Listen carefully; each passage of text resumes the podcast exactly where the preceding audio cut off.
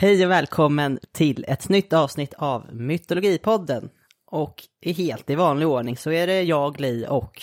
Jag, Erik. Så nu är vi åter den standard, standardtruppen eh, efter att ha gjort ett jättekul samarbete i vårt förra avsnitt. Eh, det här avsnittet är ju vårt fjärde avsnitt på den andra säsongen och det, fjär, det fjortonde avsnittet totalt. Den här månaden så kommer vi ha ett fantastiskt roligt tema. Och det tema som, egentligen skulle ju Erik valt tema det här avsnittet. Eh, men jag hade ju valt det här temat egentligen till förra avsnittet, men så la vi in vårt samarbete där, så då tänkte jag, då ger jag det här temat till Erik, för det kommer han älska. För det är nämligen Beowulf. Oh. Ja, det är oerhört fin present. Och det, det, är så fantastiskt bra också att du, du gör det här som en gåva till mig stora ledare i Beowulf, de ger gärna ut gåvor till folk runt omkring sig. Så det känns som redan här knyter vi ihop det här med vad vi ska prata om.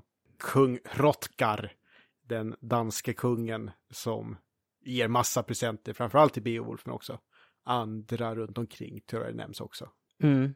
Och Beowulf är väl kanske inte så självklar ur ett mytologiskt perspektiv, men vi tycker att vi kan ändå klämma in Beowulf i en podd om mytologi. Och du, Erik, hade lite tanke på hur vi skulle kunna förklara kopplingen. Ja, nej men för vi har ju i flera andra avsnitt refererat till Beowulf när vi pratar om myter. Och eh, att Beowulf är ett hjälteepos, det tror jag inte många kan bråka om. Hjältar har vi pratat om förut och hjältar finns i flera mytologier. Däremot så är det ju så att i den version i alla fall av Beowulf som vi kan ha idag, då är det inte med några gudar. Det är ingen skapelseberättelse sådär som vi kan läsa oss till. Däremot så är ju då den hjältetradition som Beowulf uppstår ur har ju funnits parallellt med en mytologisk struktur att de finns då i samma paraply av en religion. Och det var någonting vi pratade om alldeles i början av första säsongen.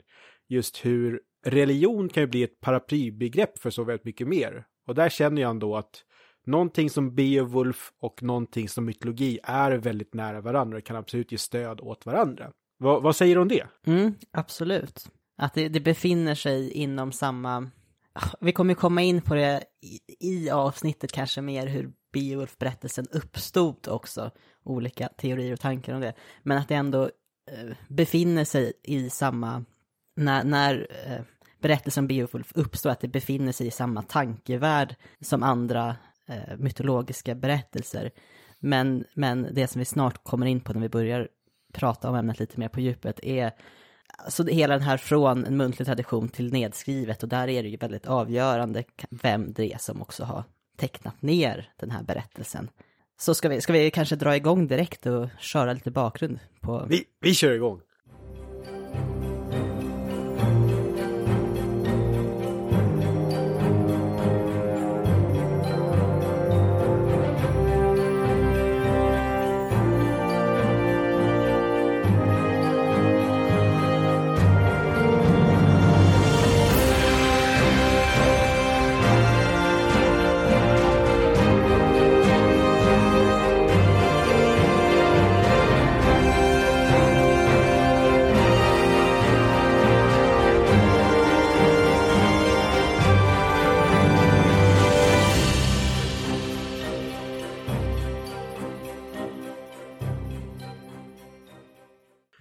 Veit!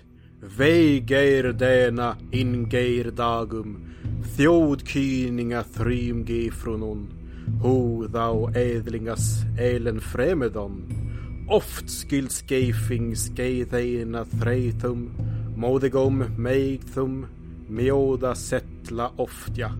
Ägsåde jorlas, thydan erst värd, fjäskaft funden, Hej theis Vi Viox under volknum fjordmyndum tha. Othet him ekvylk. Thara ymsittendra och för frånrade hyranskolde. Gombangyldan That was Goldkyning. Och nu är ju fornengelska inte mitt område utan jag håller på med, med fornisländska och fornordiska. Så det här är lite, vad ska jag säga, skandinavisk touch på fornengelska. Men det här är då de första elva raderna som finns bevarade från Beowulf-kvädet. Det inleds ju då så hårt med det här hvät som typ är hör upp eller lyssna. Sen så bara för några månader sedan kom en teori om att det kanske inte ska läsas så enskilt, men ändå, det blir coolast om man gör det så. Jag måste också flika in här att jag blev så glad när du sa att du, att du ville läsa själva inledningen. För att du är i väldigt gott sällskap enligt mig. För att när Tolkien, J.R.R. Tolkien som har skrivit Sagan om ringen-böckerna, inleder sina Beowulf-föreläsningar så är det just på det sättet. jag och Tolkien alltså. Ja, nej men där får man ändå känna hur eh, ett visst typ av nörderi verkligen sätter ringar på vattnet. oj, oj, oj. Ja, ja, hur ja, ni får överseende med oss det här avsnittet. Vi, vi gottar oss rejält ja. idag. ja, och eh, kan ju bara försöka sammanfatta det här att de här första elva raderna handlar egentligen inte ens om Beowulf, utan på ganska klassiskt fornsagovis så börjar det här ju innan Beowulf än träder in i historien, utan det här handlar snarare om eh, den danska kungadynastin och det inleds ju här också. Vejgeirdana Veigeirdana in geirdagum. Eh, att eh, vi lyssnar på om spjutdanerna i de gamla dagarna. Alltså spjutdanerna är huvudpersonen här i början. Och en stor del av historien kommer ju utspela sig just i Danmark. Och det är Skyldskeifing som väl är urfader till Skyldingarna. Och det är mjödbänkar och det är klaner och det är krigare och det är ära. Och eh, sen så slutar det ju med då det här. Seth Wes Gold Keening, han var en bra kung. Ja, och vi pratade här innan också att jag tycker att inledningen här är som i den här Konan Barbaren-filmen med Arnold Schwarzenegger. För då inleds det ju med att en, vad är Konans krönikör gör ju ett intro och sen så börjar låten The Anvil of Crom och i mitt huvud så hör jag låten Anvil of Crom när jag läser introt på Beowulf. Jag tycker det är en jätte... Gör man, man kan göra en sån här Beowulf-fanfilm och bara kör, kör det soundtracket rakt av. Det, var, ja. det är skitmäktigt. Ja, och där finns ju någon typ av möte. Det finns en annan eh, fornnordisk, jag tror han poddar, men bloggar framförallt, Brute Norse. Men han har tagit en scen ur Konan Barbaren och översatt det med fornnordiska istället. Eh, så då får man verkligen rätt touch i det också. Då får man samma känsla. Japp. Men Beowulf då, jag tänkte lite sammanfatta, alltså själva, okay. sammanfatta alltså handlingen extremt kort. Vi kommer prata mer om handlingen lite längre fram. Men det som du var inne på Erik utspelar sig ju framförallt i Danmark eh, i kung, eller kungen, hövdingen Rotgars hall Hiorot. Även i något som kallas för Getland. Och där finns väl olika teorier men i, oftast har det tolkats som Götaland. Tidsmässigt så är det ungefär den första halvan av 500-talet. Beowulf är ju då i Danmark hos Rotgar för att besegra ett ondsigt monster som ja, kommer och bland annat käkar människor och är lite allmänt obekväm som gäst. Våld, våld, han våldgästar dem, ja. bokstavligt talat. Eh, och det är i samma med att eh, kungen Rotgar, han har ju byggt sin nya mjödhall, Hiorot, som betyder hjort.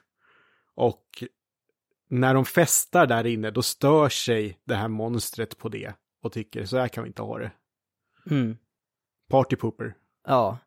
Eh, och sen i en senare del av berättelsen så ska då Beowulf, som då eh, mycket senare i sitt liv, han har blivit hövding då i Getland och han ska då ta sig an en drake som har förstört och bränt ner en massa gårdar i Beowulfs rike. Så det är lite den här korta sammanfattningen på ungefär vad som händer, för nu kommer vi gå in på mer, ja, den lite torrare bakgrund om själva textverket och lite, inte kanske renodlad forskning historik, men lite vad man måste ha i åtanke när det vad gäller översättningar och läsa sådana här gamla texter. Till en början kan vi säga att Beowulf-eposet innehåller ju historiska element, som till exempel det hänvisar till till slag som man vet har ägt rum i historien och olika, väldigt många olika namn på hövdingar och kungar som han har vet eh, har funnit, funnits. Och det är därför man har också kunnat eh, veta, flägga i tid till just 500-talet. Eh, men det finns då också fiktiva element och de här rent mytologiska eller fantastiska elementen och där har vi ju till exempel då drakar. Jag kan bara flika in där, ett sånt exempel på verklig person, det är att i Beowulf så nämns kungen Hegliak. Och han finns också nämnd i frankiska källor och hur han ska ha varit och plundrat år 521. Och det är då en sån liten mål, eller liten stolpe att förhålla sig till när man ska datera Beowulf. Draken har vi inget datum för. Eller ja, de här just det rent historiska, eh, men även kanske mer fiktiva grejer är finns med nästan som sidospår i berättelsen, alltså det, det finns referenser till händelser eller berättelsen som kanske den som lyssnar på berättelsen eller läser den för, redan förväntas känna till. Så att det rabblas upp namn och platser och slag och, utan att utvecklas. Men det, det kommer vi kanske in på mer, så att det är ju inte att man har skrivit, satt sig ner och skrivit, nu ska jag skriva en berättelse om Beowulf och att då har man en liksom väldigt tydlig linjär berättelse från punkt A till B, utan det drar iväg åt olika håll lite till och från eh, genom hela verket då. Ja, och där tänker jag just det här att det kan vara svårt att komma in i det på ett naturligt sätt som någon utanför. Som du säger, det är mycket man ska ha koll på. När jag läser Beowulf, jag har läst, jag har läst hela Beowulf en gång. Jag har läst första halvan av Beowulf flera gånger. För mm. att, sen så brukar det dyka upp någonting annat jag måste göra. Men jag, kan, jag vet fortfarande inte allting de hänvisar till. Men å andra sidan, man kan fortsätta läsa även utan det. Jag tänker att det är lite grann som, ja men nu finns det ju oerhört mycket saker med Star Wars och mm. Mandalorian har gjort oerhört succé. Och även folk som kanske inte tycker om Star Wars annars kan tycka att Mandalorian är bra. Även fast man då inte då har sett alla de gamla filmerna, men man tycker ändå, jo det här är en bra story. Och sen är vi några andra som tycker att det är jätteroligt med alla små så kallade Easter egg de lägger in. Ja, precis. Jag har ju till exempel inte sett den här animerade serien och så kommer det ju in karaktärer och grejer därifrån, mm. men eh, det finns fortfarande liksom en huvudberättelse som jag absolut hänger med i. Och jag tänker att det är lite så Beowulf är på vissa sätt. Ja, jag köper det. Ja, men bra. Då fick vi in Star Wars också. Ja. Ska vi bara komma på vem som är Baby Yoda i Beowulf? är det, vad heter han, Wiglaf? De kommer. Wiglaf. Ja, jag trodde du menade Gro äh, Grog, att vad Baby Yoda hette. Jaha, nej. Grog. ja, apropå sidospår alltså. Men ja, jag, just vad det jag tänkte, Beowulf, jag läste Björn Kolinders översättning läste jag i höstas. Det var första gången jag läste en översättning som var, om man säger på vers, för jag har ju läst eh, den, den som gavs eh, Tolkiens prosaöversättning. Han arbetade på en versöversättning men som han aldrig blev klar med, så det är ju inte publicerat. Men hans översättning på, som är mer prosa, som kanske är lite mer, den är ju inte jättelättläst, men det, det är lite lättare än att läsa det på vers, ska sägas. Eh, Tolkien gjorde även en mer saga-aktig variant som är lättläst, men den, oh, jag minns inte om den var helt färdig. Eh, Sellic Spell heter den, och, men där har han bakat, jag får med att han har bakat in lite annat där. Men jag ska inte låsa in mig på, på det.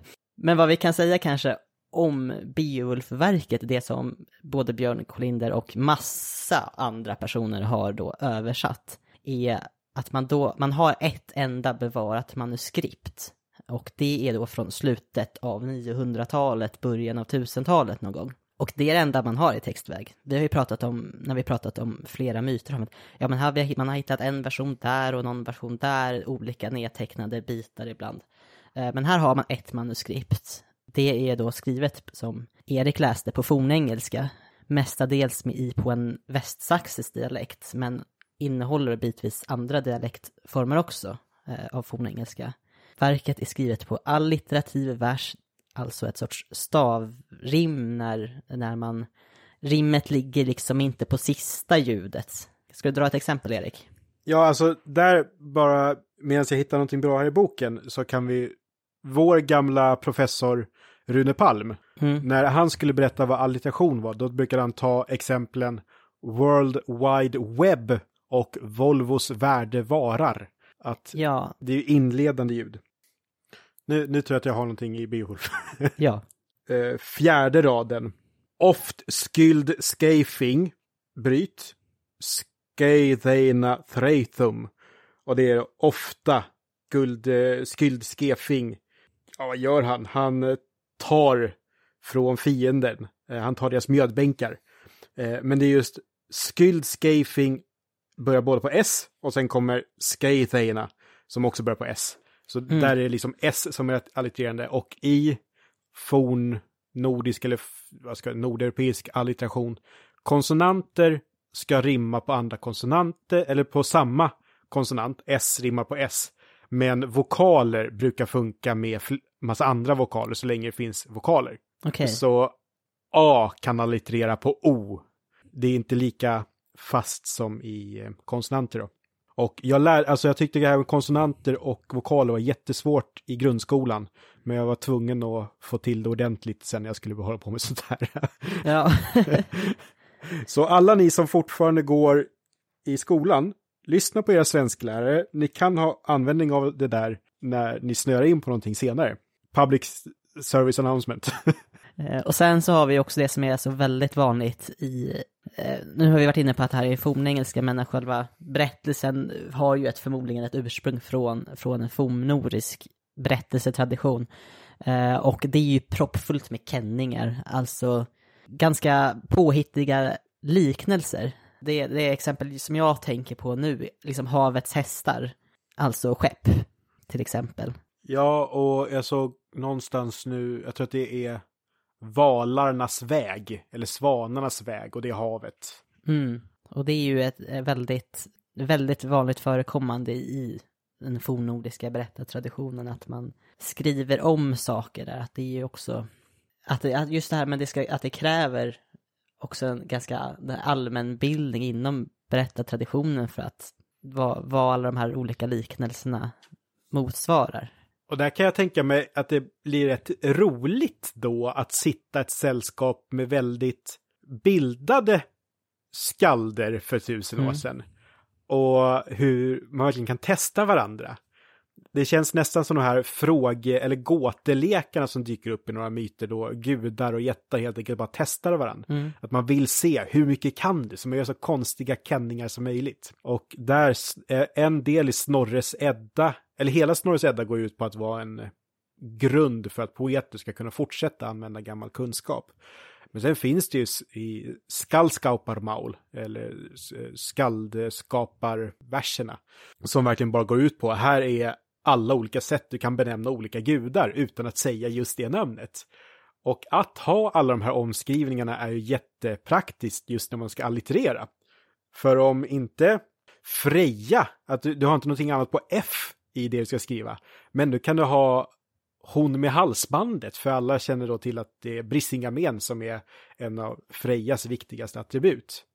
Så, så kan man liksom rimma på det istället. Precis. Så för poeter är det här oerhört lekfullt, men också det ska göras på rätt sätt. Ja, men jag, har, jag har nyligen läst eh, en bok om, eh, om Beowulf. Eh, Bo Gräslund har sk- skrivit en, och en, en, han är ju arkeolog, eh, har, det som bakgrund. Och eh, utgår då från den, så här, den nordiska bakgrunden då som Beowulfverket då skulle ha.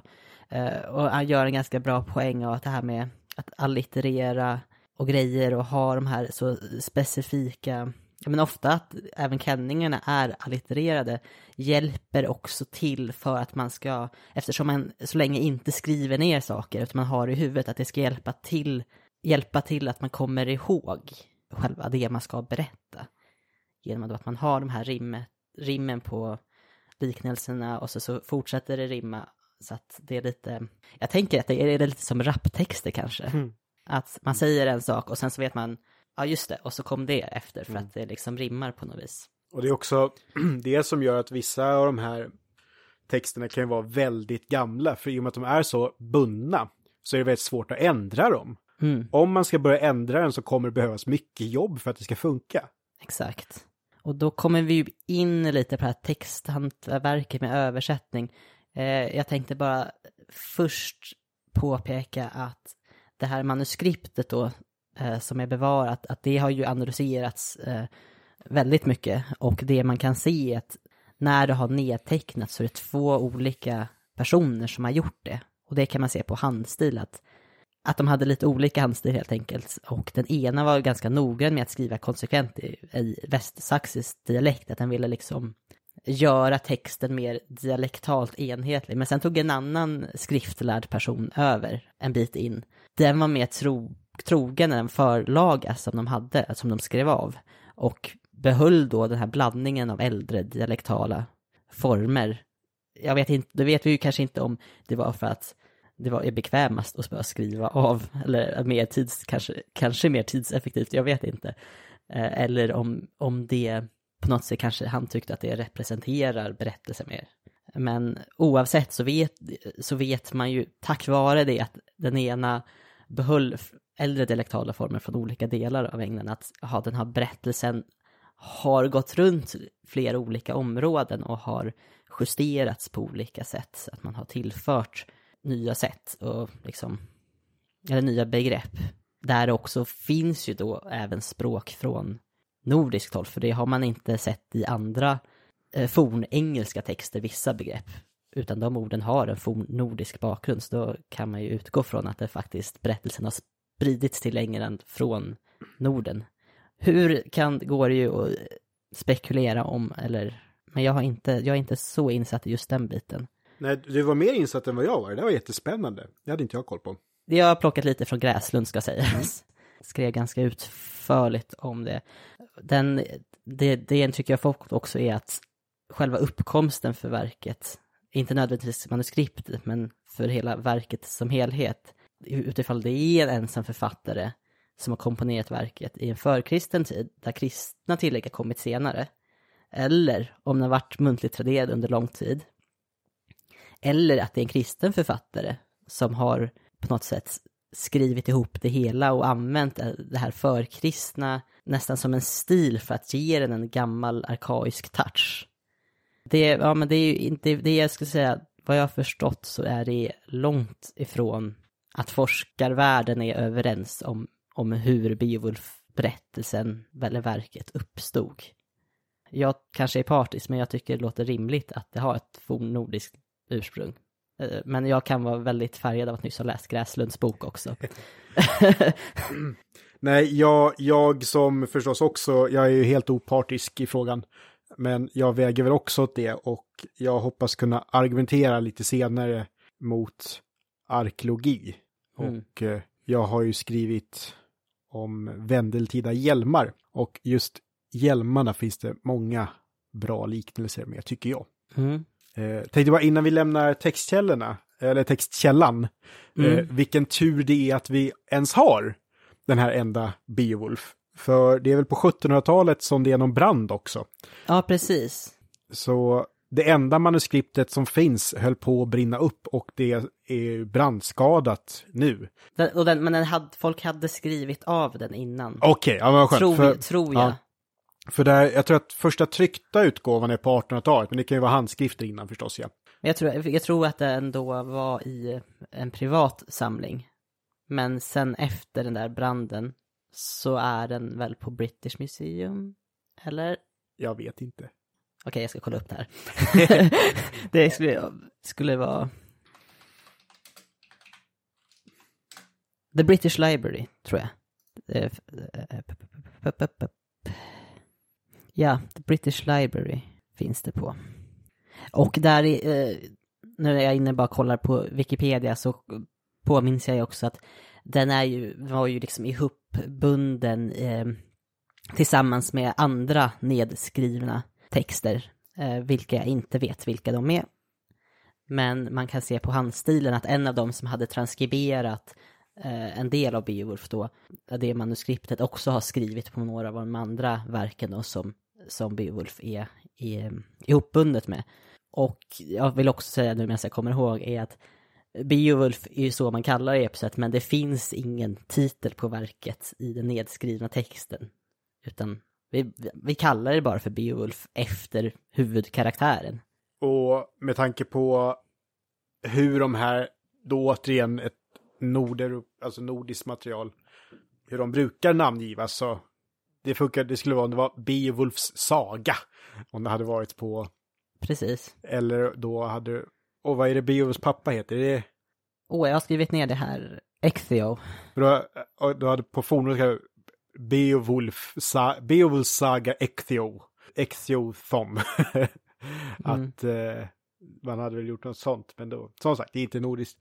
Eventuellt om det i någon urupplaga funnits fler generationer med i texten så att det kanske har varit uppkallat efter en ett istället. Men jag tycker Beowulf är ett strålande namn. Eh, det, det kan jag bara flika in, att det tycker jag är lite grann, jag tycker det är lite konstigt om man ser till en större nordisk texttradition just hur Beowulf är så centrerat runt Beowulf. Nästan alla andra sådana här hjältehistorier har med flera generationer åt alla håll. Mm. Om man tar Völsungasagan som jag läste förra veckan. Jag eh, ska bara se, det räkna lite snabbt hur många generationer det är. Men det är en, två, tre, fyra, fem, sex, sju. Sju generationer finns i en och samma berättelse. Beowulf, de tar ju upp i lite förbifarten vad som hänt innan. Hade det följt mer en sån annan nordisk tradition så hade jag nog tänkt att det skulle vara mer sånt. Men det mm. kan vara att det helt enkelt försvunnit i något steg. Ja. Mm. Innan vi kanske ska gå in på själva handlingen ska vi också bara prata om, och det här har vi pratat om flera gånger, speciellt du Erik, just det här när man läser, alltså översättningar. Eh, svårigheten när man gör med översättningar är bland annat då måste man ju välja om man ska skriva på vers eller prosa, lite som jag var inne på när jag läste Tolkien, att hans prosaöversättning är ju publicerad, men versöversättningen Eh, blev han ju inte klar med. Eh, det vi läst, eller det jag läste av Björn Kolinder var ju då på, hans översättning gavs ut eh, 1954 ska jag säga också. Den är då på vers. Och där måste man också, den som översätter ta ställning till, ska man fokusera på innehållet eller stilen? Björn Kolinder, han fokuserar ju då på de här poetiska värdena så att det liksom rimmen och eh, känningarna funkar. Eh, men det kanske är lite svår, blir svårare då att tillgängliggöra själva innehållet, det det faktiskt handlar om. Att man måste eh, jämka lite och kanske ändra ibland på innehållet för att det ska funka rent poetiskt. Sen särskilt så här lång, långt många ja, jag ska säga tusen år efter, efter manuskriptet. Det är också här att man vill ju också göra verket så läsbart som möjligt för oss moderna människor. Men för oss kan det vara ganska träigt att läsa en text som bara är hundra år också. Att ibland man måste också ha, ibland ha den aspekten i åtanke. Vem, vem, vem, vems översättning har du läst, Erik? Eller har du läst flera olika, eller hade du läst på engelska? Den första Beowulf-översättningen jag läste, den var av, eh, ska vi se, han heter Simus i förnamn, men det säger ju ingenting i sådana här sammanhang. Ja, Seamus Heaney. Hur man Shame, jag, det. Tror man säger, jag tror man säger Seamus. Seamus, okej, okay, ja. ja. Tror, men jag vet eh, inte.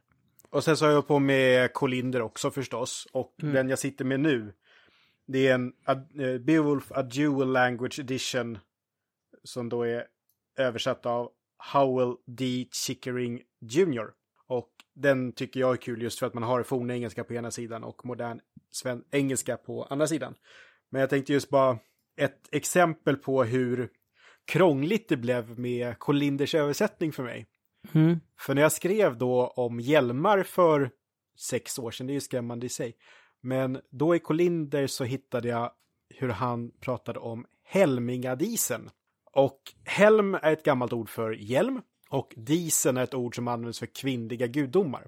Och det här är någonting som används då för att beskriva hur Hrothgars fru serverar mjöd i samband med en fest. Och jag tycker att det är jätteintressant att det är en hjälmgudinna som får göra det.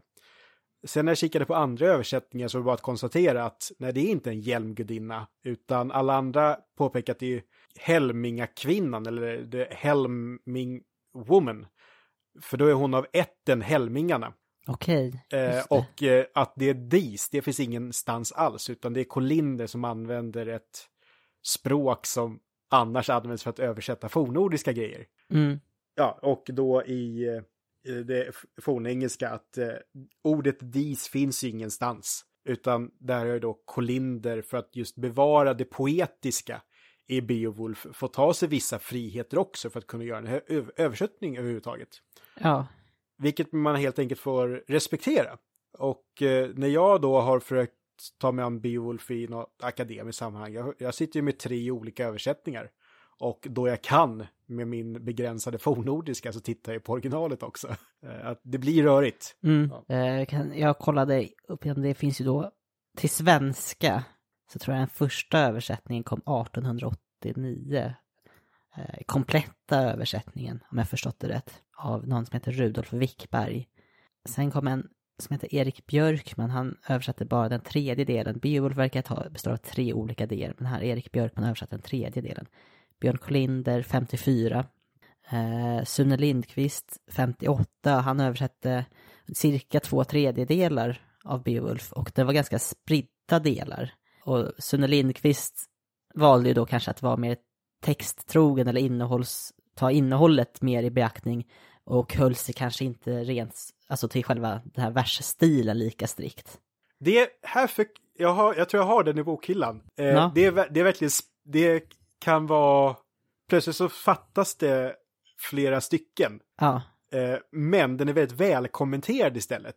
okej. Eh, så kanske inte om man ska ta till sig handlingen, men för att bilda sig någon typ av litterär, historisk och arkeologisk uppfattning så är den bra. Om det är den jag tänker på. Och sen så är det då Frans Hersen som 97 översatte bara Finnsburg-fragmentet. Eh, Jag vet, jag kommer inte ihåg i vilket syfte, om det var till något särskilt. Ja, det vi släpper det. Eh, Jag, jag vill bara flika in, jag tror inte jag hade varit där jag är idag utan Frans Hersen. Eh, han skrev en kort artikel om Öpir som jag tyckte var oerhört fascinerande när jag började läsa om runstenar. oh, är Eh, det därför du skrev uppsats om? Ja, jag, jag har ju skrivit, eh, det, alltså snäppet innan B-uppsats, A-uppsats om Öpir, jag har skrivit en C-uppsats om Öpir, jag har skrivit en annan C-uppsats om rymdristare. alltså allt det här är Frans Herschens fel, eller tack vare Frans Herschen. Måste jag tänka, är det han som har? Jag har alltså aldrig träffat människan, men Jo, det är han som har skrivit Livet i hallen. Ja, okej, okej. Och nu när jag skulle bara kolla upp, för jag vet att jag har, har någon skrift av Frans Hersen och det är ju då en, en, eh, en studie som heter Livet i hallen då som, som undersöker eh, järnå, alltså den yngre järnålderns aristokrati och den gavs ut 97 så det är väl, det är därifrån misstänker jag då just det här biten som han hade översatt, att det är där den är publicerad. Jag har den boken någonstans eh, hos min morsa. Så det är ju också, det är ju liksom en, så det är några arke, liksom, jag vet vad Sune Lund, Lindqvist också kanske från arkeologi. Men Frans Hersen är ju det. Ja, Okej, ja, okej, nu, nu håller jag på att fastna helt. vilket fantastiskt sidospår det här blev. Ja, i alla fall. Men det är ju liksom det här vi håller på med i arkeologin också, så Beowulf blir ju också aktuell just för det här med halvmiljöerna. Eh, är ju så aktuellt hela tiden. Var vi klara med översättningarna? Ja. Ja, då ska jag bara avsluta den här första delen. Som nu har vi liksom pratat på i, i, i typ 40 minuter. Jag kanske klipper ner, jag har väl förhoppningsvis klippt ner det så att det är lite kortare. Men bara avsluta den här först med att vi, vi, vi pratar ju som, om det, vi är dessutom arkeologer från, liksom i, vana vid en arkeologisk kontext i Skandinavien. Men Beowulf har ju liksom av en nationalepos eh, status i Storbritannien.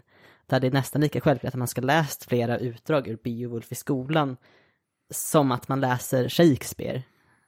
Den är ju, den är ju väldigt viktig rent litter, litterärt i Storbritannien. Som, och det är den ju verkligen inte här. Det är väl, det är väl den en, äldsta, Jag vet att det finns, även innan den här nya boken då, så vet jag att det finns gotlänningar som velat hävda, eller kalla Beowulf för, för gutarnas nationalepos. Eh, och eh, jag tror att det finns några varianter då Beowulf släpps tillsammans med Gutasagen, Gutasagan och eh, Gutalagen. Men eh, utöver det, nej, inte alls samma nej. status. Utan där, för mig, jag känner nästan, för många kanske den enda kontakten med Beowulf, det är att om man ser Woody Allen-filmen Annie Hall. Har du sett den? Jag har inte sett den. Uh, uh, det är ingen spoiler, men uh, karaktären Annie Hall ska ju då diskutera om vad hon ska läsa på universitetet. Och Woody Allens karaktär säger läs ingenting där du måste plugga Beowulf. Uh, att liksom det, det, det, tror jag kan vara den enda kontakten många moderna människor har. Det är någonting tråkigt folk gör på engelska universitet, eller engelskspråkiga universitet. Nej, jag kan ju inte relatera. Men det är kanske, vi har valt ämnen där, där vi måste känna, känna till, vi mm. måste mm. inte läsa, för att vi, jag höll säga, vi måste inte läsa man är arkeologer, men det måste vi visst. Eh, men i alla fall, nu, nu tänker jag att vi bara pratar om handlingen och karaktärerna, mm. för det är ju trots allt berättelserna som är kärnan i, i vår mytologipodd. Ja.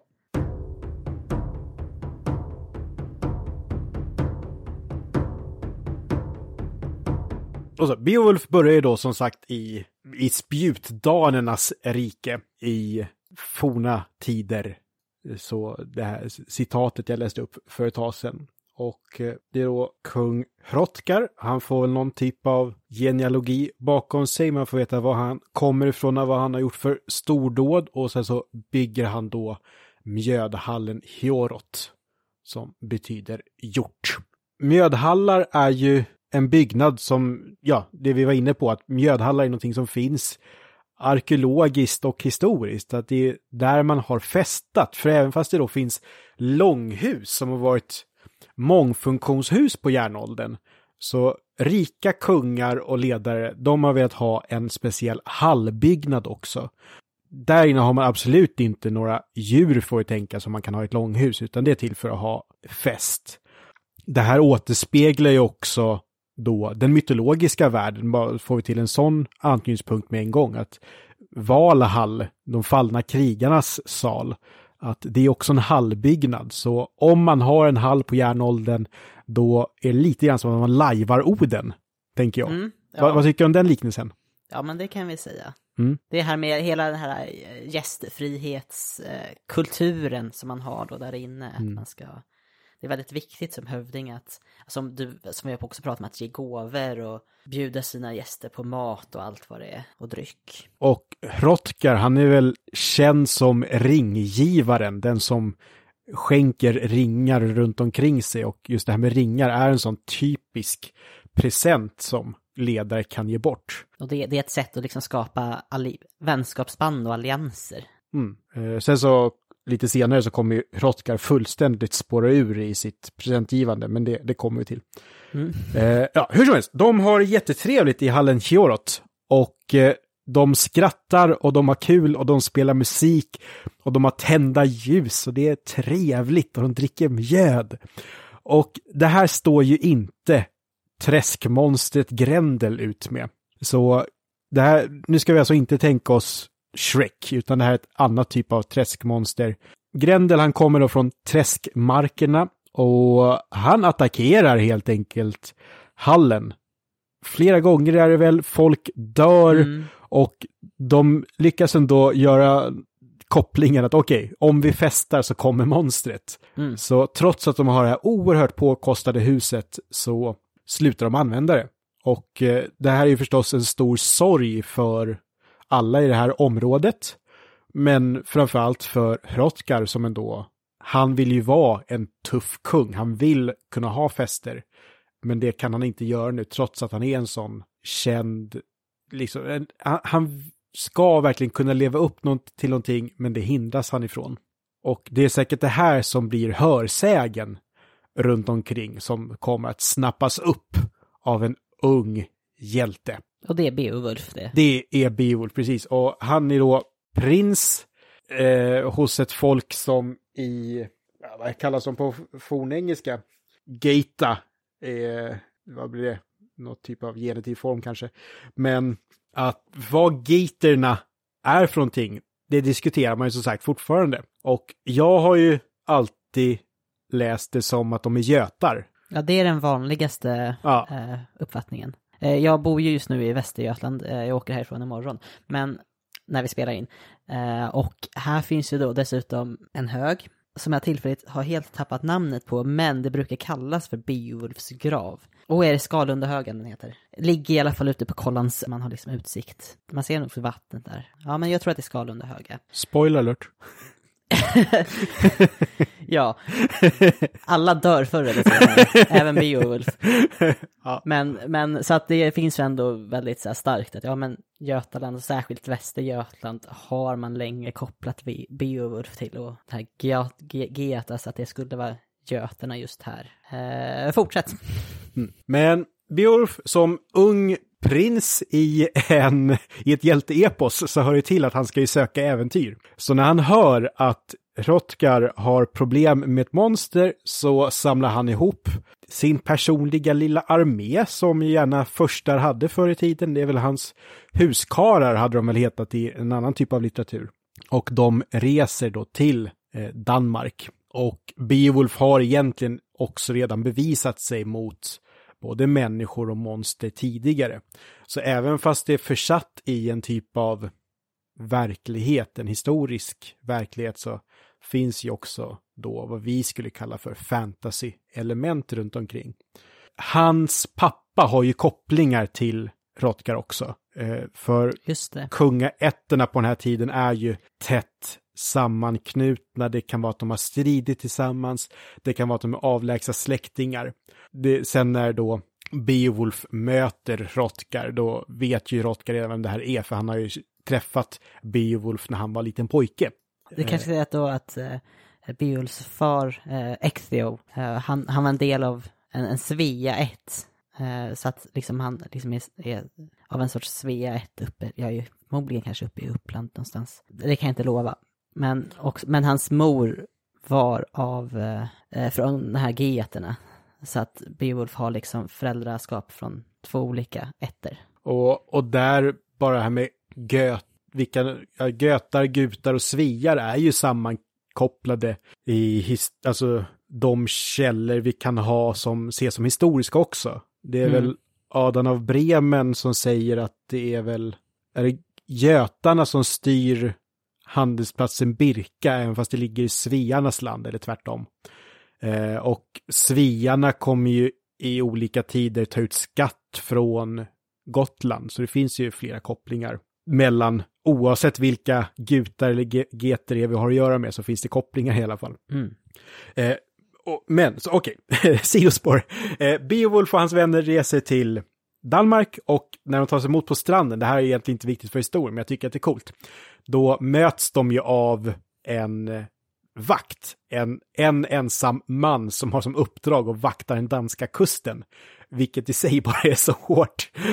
men, men då, Beowulf, de är ju fullt väpnade redan när de kommer till Danmark och den här vakten tycker att jag har aldrig sett så välklädda krigare, eh, så rustade för krig, men ni, är, ni ser så, eh, han, han kallar dem för aidlingas, ni, ser- ni är så De sett nobla ut eller? nobla, precis. Ja. Eh, så, så jag tänker mig ändå att ni ska få en chans att förklara er. Och när han rider mot dem, då viftar han också med sitt spjut ovanför huvudet. Och det tror jag också är en viktig grej bara för att koppla Beowulf till en hednisk tid. För att vifta med ett spjut, alltså om någon gör det idag så kommer man, okej, det här är en person som menar allvar, viftar man med ett spjut så det är rätt hårt. Men jag tror också att det här kan kopplas till den typen av Odenkult som finns eh, senare. Att eh, spjutet är Odens symbol.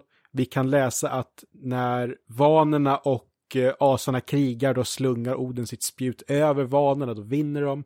Och i kungasagor är det väl, då kan en kung kasta sitt spjut och skrika jag viger er, er åt Oden. Och det är möjligt att det bara är slump att han viftar med sitt spjut, men jag tycker ändå att det är intressant just att försätta Beowulf till en hednisk tid på så vis. Mm. Men vakten känner väl att okej, okay, det här verkar vara rimliga killar, ni får komma till Hrotkar. Han följer dem hela vägen fram till hallen Heorot. De festar och minns gamla tider. Är, är det här, i det här tillfället som Beowulf berättar om den här kappsimningen mot Breka? Ja, och det är ju då när de kommer in i Heorot och eh, det blir känt vem Beowulf är, då kommer det ju fram det är en släkting till Hrotkar, kommer inte ihåg hans namn nu, men han har ju hört talas om då den här simtävlingen mellan Beowulf och Brecka, då de skulle simma, ja vad är det, så i mitt huvud, det är i princip från Uppland till Skåne, alltså det är något så här sjukt sträcka i alla fall, mm. eh, som de ska tävla. De simmar i sju, fem respektive sju dygn har jag för mig. Och det som påpekas är att Beowulf faktiskt förlorar den här simtävlingen. Så varför är det här den hjälte de skulle bjuda till sig för att hjälpa till med monsterproblemet? När han inte ens kan vinna en simtävling. Men då tar ju Beowulf upp att ja, det är rätt att jag faktiskt kom i land sist. Jag kom i land två dygn senare, eller vad det nu är. Men då har jag slagits med massa havsmonster också. Och han har dödat så många havsmonster så att havet är en säkrare plats efteråt än innan. och, och sen är det ju också, han har väl på sig 30 ringbrynjor när han gör det här också. Så det, är ju, det här är ju bara eh, sån oerhörd komisk situation för oss att läsa nu. Och han som försöker bråka med Beowulf, han får så skamset dra sig undan. Mm. Jag tror att det är han som heter Unferth som okay. äh, ja. ifrågasätter Beowulfs, äh, ja, att det är rimligt att Beowulf just ska klara av detta. Ja. Men, men det här används ju också för att just bygga upp att okej, okay, men Beowulf han vet nog vad han håller på med och han, han och hans män ska försöka få ta sig an det här monstret som är känt som Grendel. De gör i ordning, fester, jag kommer, jag tycker bara början är så rolig, intressant och cool. Jag kommer nog dra resten i kortare drag, så oroa inte. Mm. Eh, men de har fest i Heorot och förstås så hör och ser Grendel det här och kommer att börja attackera. Men inför natten, då gör ju Beowulf som med flit, att han lägger ifrån sig sin rustning och lägger ifrån sig sina vapnen. För Grendel är ett monster som inte vet hur man slåss och inte har redskap. Och därför skulle det vara orättvist att slåss mot Grendel med vapenrustning. och det är också så oerhört hårt, för Grendel har ju alltså massakrerat en armé av, av Hrotkars elitkrigare. Men Beowulf tänker att nej, det här ska vara så rättvist som möjligt. Ja, det kommer inte se snyggt ut om jag har en fördel mot Grendel. Ja, nej, för då kommer liksom om han till och med fick skit för att han va, förlorade en simtävling när han, han slogs mot monster. Det är klart att någon kommer att säga, ja du hade ju ett svärd. Mm. ja, men eh, Grendel kommer på natten, hinner väl döda några av Beorus vänner. Och sen så vaknar Beowulf efter lite för lång tid. Eh, det, det, är verkligen en smygare som kommer här från natten och beskrivs som en träsksmygare. Sen så börjar de slåss och det är förstås svårt. Till slut så sliter i alla fall Beowulf loss armen på Grendel. De här gamla historierna kan ju vara ganska torftiga, de kan vara ganska kortfattade och själva striden tycker jag är ganska kortfattad. Men hur armen lossar från kroppen, det beskrivs som att det är muskler och senor och det är ben och det, det verkligen lossar. Eh, jag, jag, man kan nästan höra ljudet av det här.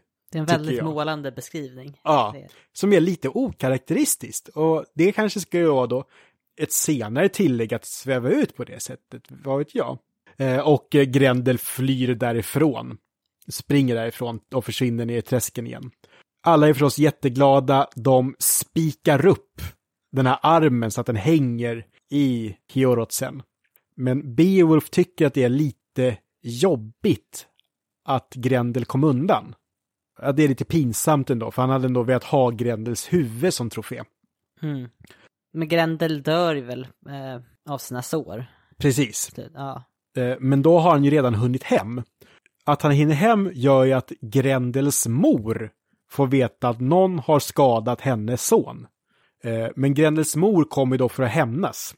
Och eh, har man sett den animerade Beowulf ska, och tänker sig nu en guldig Angelina Jolie så är det långt ifrån den bild som målas upp i Beowulf. Det här är ju fasansfull varelse.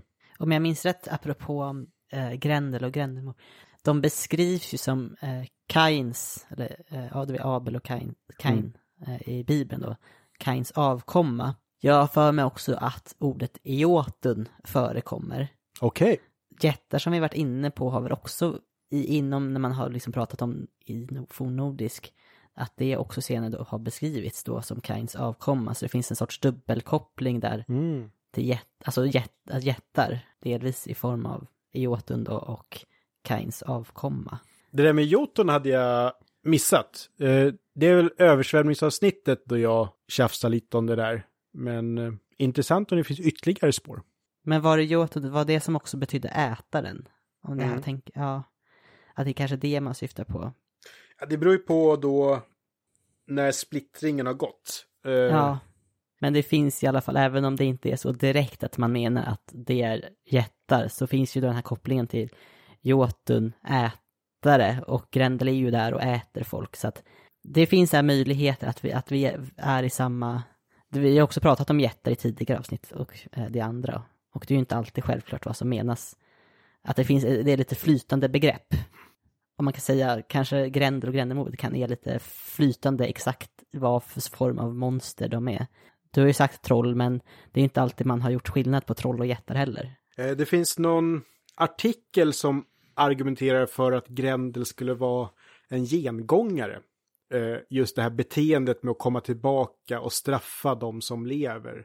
Mhm. Eh, Men det är en artikel, jag kommer inte ihåg vad de kom fram till. Men att det finns, som så mycket med Beowulf så finns det fortfarande en diskussion om vad det har att göra med egentligen. Mm. Ja, men jag, jag avbröt dig där lite grann. Nej, det här, det här är bra. Ja, men jag tänkte om du ville fortsätta där Ja. du slutade. Eh, ja, Grendels mor kommer att hämnas. Och Beowulf tänker att så här kan vi inte ha det. Så han ska ju då ge sig av till Grendels mor. Och vid det här laget så har Beowulf redan hunnit få en massa presenter av Hrothgar för att han har dödat Grendel. Så det är en ny hjälm och ny rustning och det är, jag tror han får en flagga också, eller ett baner i alla fall, och svärd, alltså massa bra grejer, säkert flera ringar också. Men sen inför då att han ska iväg och slåss med Grendels mor så tror jag att han får ännu mer saker. Och den här snubben som höll på vara jobbig mot Beowulf förut, där med simtävlingen, vad sa du att han hette? Ungefär. Unferth. Han har ju då börjat omvärdera Beowulf. Så han ger också ett svärd som är en släktklenod. Eh, och det här är då det svärdet som han ska använda för att slåss mot den här kvinnan. Beowulf ger sig av till träsken. Han kommer till vattnet och hoppar i. Och han har ju på sig ringbrynjor så han sjunker väl som en sten. Och på vägen ner så slåss han mot diverse odjur har jag för mig. Och Mm. sen är det dags att slåss mot Grendels mor. Hon, hon har alltså inget annat namn. Det är därför det blir så där omständiga om att säga Grendels mor hela tiden. De slåss och de slåss och de slåss och Beowulf är i underläge.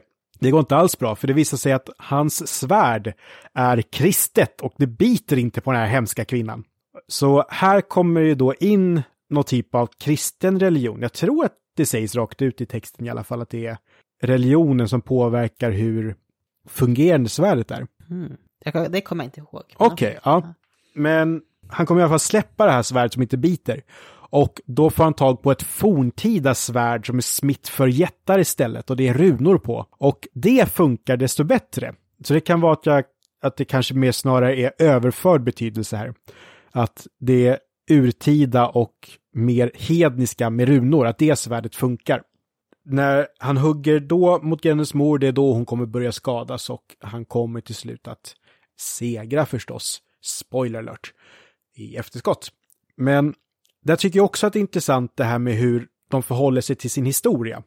Att man känner till konceptet uråldriga svärd och precis som idag så kan det dyka upp fornfynd. Det var ju liksom bara för några år som det här barnet hittade ett svärd i en sjö, det arkeologiskt dyker upp, åkrar dyker upp gamla saker.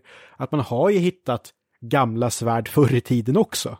Exakt. Eh, sen då att det är runor på, det tror jag också står i texten. Det är ju desto mer sällsynt. Däremot så är det ju en koppling till eh, i den poetiska Eddan i Sigdrifa eller eh, Sigdrivas kväde. Då hon, Valkyrian, berättar för Sigurd Fafnesbane att man ska rista segerrunor på sitt svärd. Återigen så existerar ju Beowulfs värld i en mytologisk sfär. Jag funderar på det här med, med runor på svärd. Jag tänker att arkeologiskt så har man väl kanske inte handgreppet kvar. Nej, just det. Om man har det av trä, jag Mm. vet inte alls så mycket, så är det ju lätt att rista runor i alla Eh, fall. Ja, och det står i Sigdrifa Maul också att det ska ristas på själva handtaget också, så det har du Ja. helt rätt i. Ja, nej men så, och, och där, i och med att de är i ett träsk, det är ju i ett träsk, speciellt i danska träsk, som väldigt välbevarade saker dyker upp. Mm. För det är, så, det är så syrefattigt så att det... Ja, och, och tänk då vad läskigt för någon som en bit in i järnåldern går runt på ett danskt träsk, kanske snubblar till, hittar ett välbevarat svärd, men också något mosslik. Det är klart att det kan uppstå historier om grändeliknande varelser. Vi pratar också om Beowulf utspelas på 500-talet så är det ju verkligen de närmsta århundradena framför där som man off, alltså det är, det är tiden man offrar som mest i träsk. Just det. Mm. Sen så, det jag tycker är intressant in- jag tycker att allt är intressant med Beowulf, men Ja. att det är ett eh, svärd från jättarnas tid. Det finns ju jättar i Bibeln också, det har vi varit inne på förut och sådär. Jag undrar vad det är som gör att de tycker att det är jättarna, för där har jag ju förut tänkt att är det ett väldigt stort svärd ska man tänka sig att Beowulf står med ett tvåhandssvärd. Men något sånt finns ju egentligen inte förrän medeltid i princip.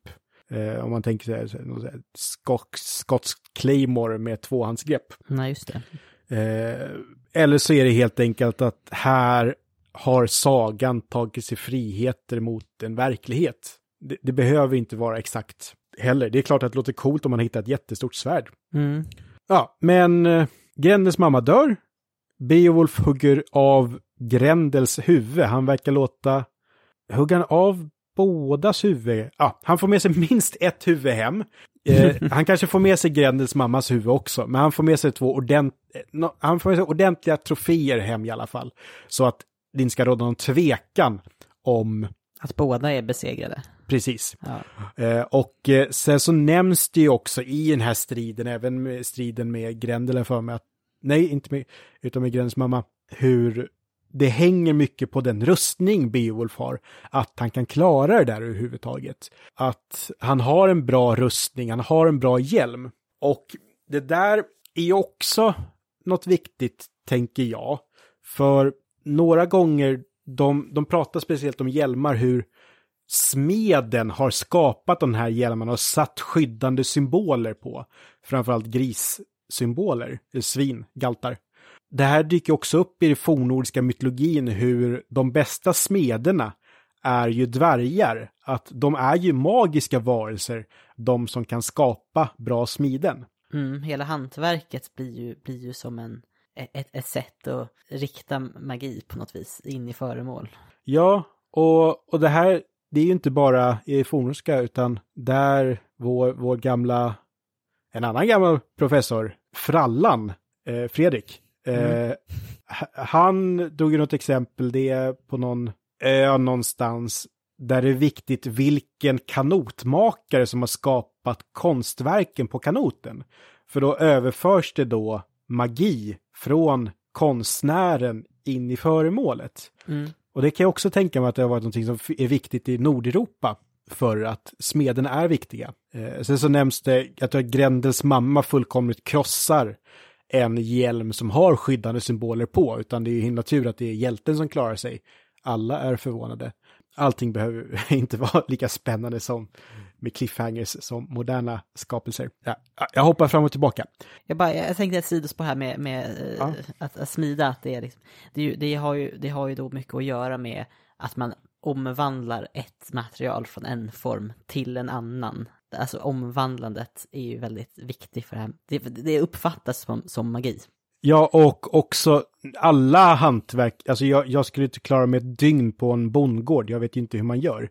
Men just det här, det är inte alla som bara kan ställa sig och smida någonting heller. Nej. Alltså just det här, att det är speciella personer som klarar av det, som du säger, om, omvandlandet och där andra exempel på hur myter kan ha uppstått. Vår, vår en annan gammal föreläsare, eh, Anders Karlsson, han hävdar ju att eh, svärdet i stenen från Arthur-myterna, att det skulle ha sin grund i bronsålderns sätt att framvinna metallen ur berget och sen skapar man svärd av det.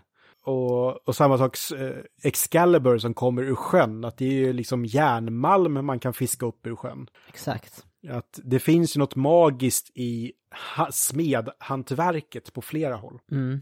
Eh, Men eh, efter festen med att Grendels mamma dött, fler presenter och Beowulf ger sig hemåt. Och det är väl här det kommer ett ganska stort hopp i tid, eller hur? Men han kommer ju hem och berättar i alla fall om allt som har hänt. Så att det Ah. blir som en recap lite, Mm. vad, vad det här har hänt i Danmark nu. Och sen blir det ett hopp i tid, om jag minns rätt. Där, det här är ju så också, när, när vi tänker oss, eh, Det är väl typ 50 år hopp i tid? ja, för där vi, vi kan ju ha i filmer eller böcker, vi kan ju också ha hopp i tid, att här, tio år senare, fem år senare, 20 timmar senare. Men här tycker jag att det är intressant att i en tid då medellivslängden för människor är 45 år så, så gör de ett hopp på 50 år i tid. eh, och, och där, det, att det är 45 år på vikingatiden i alla fall, det bygger ju på andra, för, alltså många människor blev äldre än 45 år. Men det som har hänt nu under de här 50 åren, Ja, det är ju att Beowulf, han har ju blivit hövding då, över, eh, eller kung över Geaterna. Mm. Och den titeln han har ju kunnat få, för han var då eh, fosterson till Geaternas kung Hretel. Alltså hans, eh, och det var också hans morfar. För att hans far Ektev dog ganska tidigt och därför har då Hretel, hans morfar, ja, adopterat honom i precis och då blir han ju, han ärvde titeln till slut men han har ju också bevisat att, att han är väldigt, en väldigt kapabel individ med bra kontakter och allt det där. han, har allt man vill ha i en ledare på järnåldern. Mm. Eh, och skriver ingenting om vad han tycker om skattepolitik i och för sig, men det är... ja. eh, och där, om, om jag fick, jag fick tänka nu i huvudet hur gammal Beowulf kan ha varit i början. Han är ju en prins då. Och om man tittar på andra, om vi då tar Völsungasagan och Ragnar Lodbroks saga som jag tänker jämföra lite med. Jag tror Ragnar Lodbrok är 15 år när han dödar sin första drake. Jag tror att Sigurd Fafnesban är väl någonstans runt 15 under 20 när han ger sig iväg på sina första äventyr. Så vi kan tänka oss att Beowulf var 15-20 år. Ja men ja, det kan det köper jag. För då vet vi också att han har faktiskt utfört grejer innan själva Ja, vår berättelse ja, men- börjar. Det är viktigt, det har rätt i. Så runt 20 år. Ja. Eh, och sen då 50 år senare, då är han runt 70. Mm. Och eh, Eller äldre, eller lite yngre. ja, Men han är gammal med den tidens mått mätt. Precis. Och det här är alltså inte någon som haft tillgång till seniorgympa och sånt där, så det är ganska lätt att tänka sig att det här är en ganska sliten person, men han kommer att bevisa sig. Eh, här är vi inne på Rambo 5. det här, det här, Sylvester Stallone kan fortfarande. Eh, och eh, för, det, han, det, är ju, det är ett bra rika han har. Eh, han är en bra kung och omtyckt, men så kommer en drake och attackerar. Att det kommer en drake, det är, det är ju en reaktion förstås på att det är en träl som har stulit ur en drakes håla. Eh, han har stulit en guldbägare. Och det, det motivet har Tolkien då lånat in i The Hobbit när Bilbo ska in hos draken Smaug och väljer ut ett objekt och för att visa dvärgarna att han kan ta det så har han då tagit en, ja men en bägare från skatterna som Är det till och med en bägare? Smaug. Ja, ja, det är det. Det är det väl. Okej, ja. Och eh, drakar, de märker ju sånt där. Exakt, de har koll på varenda liten bit. Ja, så det går inte för sig. Det börjar brännas och härjas. Beowulf ska ju hålla uppe sitt rykte. Och, och jag kan nästan tänka mig så här trailern för del 3 av Beowulf. He needs to do it one more time. Eh, Och han samlar ihop en grupp om, vad är det, åtta män? Eh, ja, han får med Ja, sig ett mindre sällskap unga krigare i alla fall. Och som förstås alla är sugna på att prestera i strid. Det skulle absolut vara bra på järnålder-CVt att ha slagits mot en drake. Och de får slåss tillsammans med Beowulf. De gör sig av till drakens håla, men väl där så fegar alla utom en ur och rymmer därifrån. Och det är Wiglaf. Viglaf, precis. Eh, som jag kallade Baby Yoda tidigare. Ja. Eh, och de går in där tillsammans och det är ju i huvudsak Beowulf som slåss mot draken. Mm. Eh, Viglaf är med, men det är Beowulfs strid, så jag minns det. ja. Lyckas ta koll på draken, men är ändå dödligt skadad, framförallt av eld, är det väl. När Viglaf är med honom där på slutet så är ändå Beowulf så pass imponerad av att han stannade kvar. Han har bevisat sig, han är inte som de andra ynglingarna, utan han är en krigare i Beowulfs anda. Så han får ju ta över några, ja, vad ska jag säga, regalier. Det är väl något svärd och hjälm och sådär som han ska få ärva. Och han får också ta instruktionerna för hur Beowulf ska bli begravd. Du pratade om en gravhög tidigare som jag inte kände till. Men det är ju intressant då för hur det matchar. För Beowulf blir ju sen begravd i en gravhög, precis som en hednisk kung ska. Särskilt under 500-talet. Och det är utsikt mot vattnet. Det, och det, man, ser, man ser alltså då Vänern från den här högen, ska jag säga. Det är en bit bort, men man ser Okej. det. Ja. man ser det ändå. I mitt huvud så är det verkligen så här, du vet, engelsk stupkust med en gravhög Ja. bredvid. Ja. Ja, det skulle vara fint. Ja, men, men nu är de inte i England. Eh, och vi har tyvärr inte några sådana kust, eh, kustremsor på Gotland heller va? Jag, jag, jag vet inte riktigt hur det Nej. är på Gotland just. Men, eh, och det är då Viglaf som kommer att bli nästa kung över geterna. Det ska sägas att de är släkt på något vis också. Okej, just det. Jag, jag minns inte om det var kusin Mm. eller så. Men de är släkt. Bra. Jag kom bara på här med geterna. Det finns ju då också goter i andra delar av Europa. Eh, som ju då inte nödvändigtvis behöver vara... Det finns ju teorier om hur de skulle vara kopplade till var, antingen gutar eller götar också. Men där finns det en historiker som heter Jordanes och han skrev om goternas historia. Och han lyckas ju koppla goterna till några som slogs i slaget om Troja. Men då har han ju blandat ihop det med helt annat folk som heter geter fast medelhavsgeter. Eh, Men just det här med att hur geter, gutar, götar, goter, alltså allt det är som ett lika ord. Så det är fullt förståeligt att Jordanes blev lite förvirrad i, vad är det, 600-talet, ja, där krokarna, när han skrev sin historiebok. Ja. Sidospår. Det här är sidospårets eh, avsnitt, men, Ja. eh, men det var ju i alla fall eh, hu- huvuddragen i, i den här handlingen. ja. Hoppas ni kände nu att ni satt vid en lägereld för 1500 år sedan. För vårt berättarsätt var exakt som det var då. Nej, kanske inte. Kanske.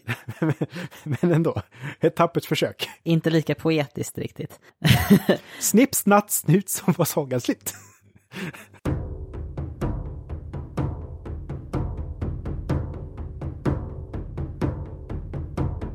Då har vi kommit in i vår lilla paus här och vi hade ju tänkt ta en fråga från Nils. Men det blev så att jag sov så jäkla dåligt i natt och jag har haft lite mycket att stå i senaste veckan. Så jag hann inte liksom ta reda på tillräckligt mycket svar på frågan. Så vi tänkte att vi, eh, vi skippar fråga den här gången. Det får vi göra också om man känner för det. Vi gör reglerna. Precis. Men vi ska återkoppla till vad vi sagt i lite tidigare avsnitt och när vi har gästat ett annat avsnitt. Så lite, lite, vad säger man? Återbesök av ämnen. Och eventuella rättningar. Mm. Ja. För där, vi, vi läser ju på inför våra avsnitt och en del saker kan vi ju sen innan också. Men det är klart Och vissa att... grejer också tror vi att vi kan sen innan. Precis. Men sen dyker det då upp grejer som är så här, jaha, det här var tydligen inte helt solklart eller här fanns det ännu mer. Och eh, i vårt avsnitt tillsammans med Podius Castus då den här frågan om kungar eller andra som blir upplyfta till gudar. Mm, det, var för, det var vårt förra avsnitt. Ja, då, då hade jag någonting i bakhuvudet, men jag kom inte alls på vad det var, så jag sa lite lat, det finns lite fornnordiska grejer, och så gick jag vidare till Maradona istället. eh, sen så då på jobbet, lite grann, jag vet inte riktigt vad jag höll på med, men jag råkade i alla fall trilla över eh, en text som hade med missionären Anskar att göra. Och det är då i Rimberts livskrönika Ans, eh, Anskari Vita, eller Vit, Vita Anskari. Som då, Rimbert är Anskars lärjunge och han är den som då skriver ner vad Anskar var med om på sin resa till Danmark och Sverige. Och då är det ju mest känt Birka. Och då är det ett litet sidospår om kulten som finns i Birka. Och där nämns det att de dyrkar en kung Erik som efter sin död blev upplyft till Gud. Och det här är ju exakt vad som hade varit ett rimligt svar på den här ja, frågan. Det kan man säga. men, men, men det, ibland hänger det på att man ska råka trilla över rätt text. Och jag tror, alltså det finns ju massa kungar som heter Erik. Jag vet inte om man kan riktigt sätta finger på vilken Erik det här skulle vara. Och det är ju då också det här med, vi kan inte veta vilket avtryck det här gjorde i en större mytologi. Levde den här Erik för en generation sedan och dyrkades i 40 år?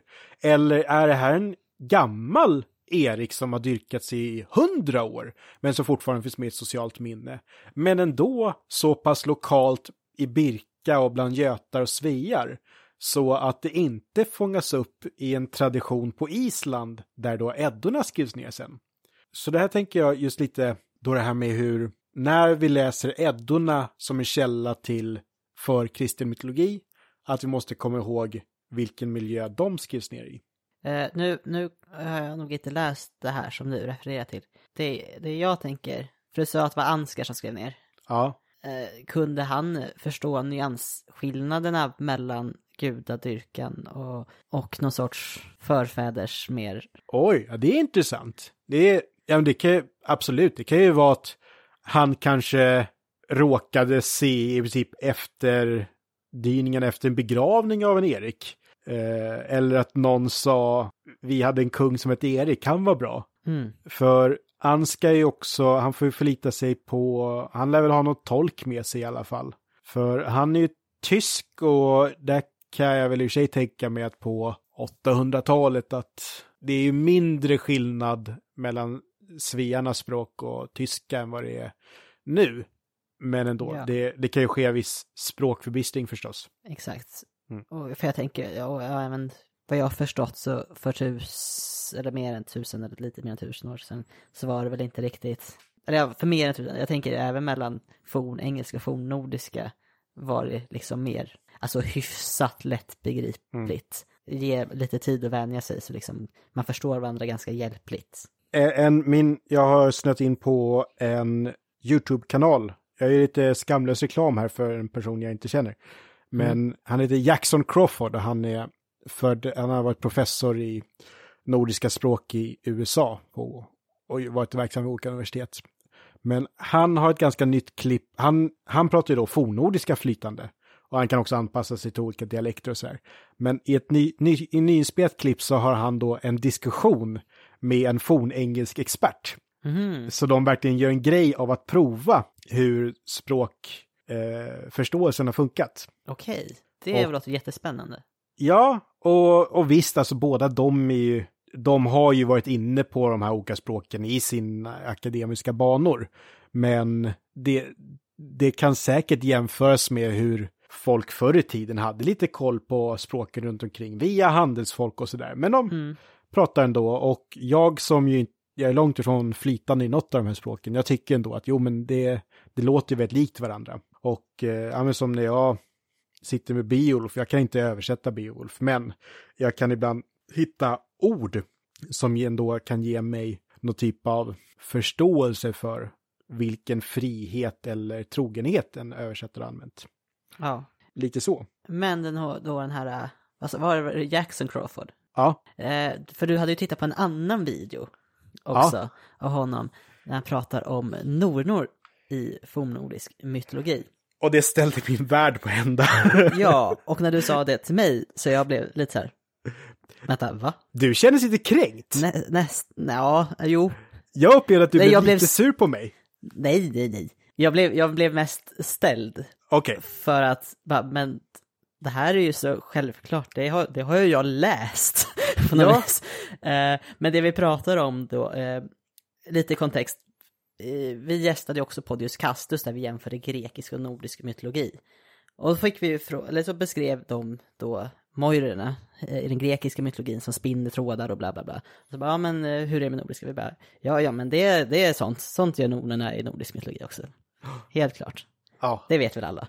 ja. Eh, ja, Och om man kollar upp bilder på nornar, de sitter ju alltid och spinner. exakt. Men kollar man i texten, Då, då är det väldigt... Alltså, det finns en källa som egentligen inte är en av de här kända, eller halvkända, det är om Helge Hundingsbane.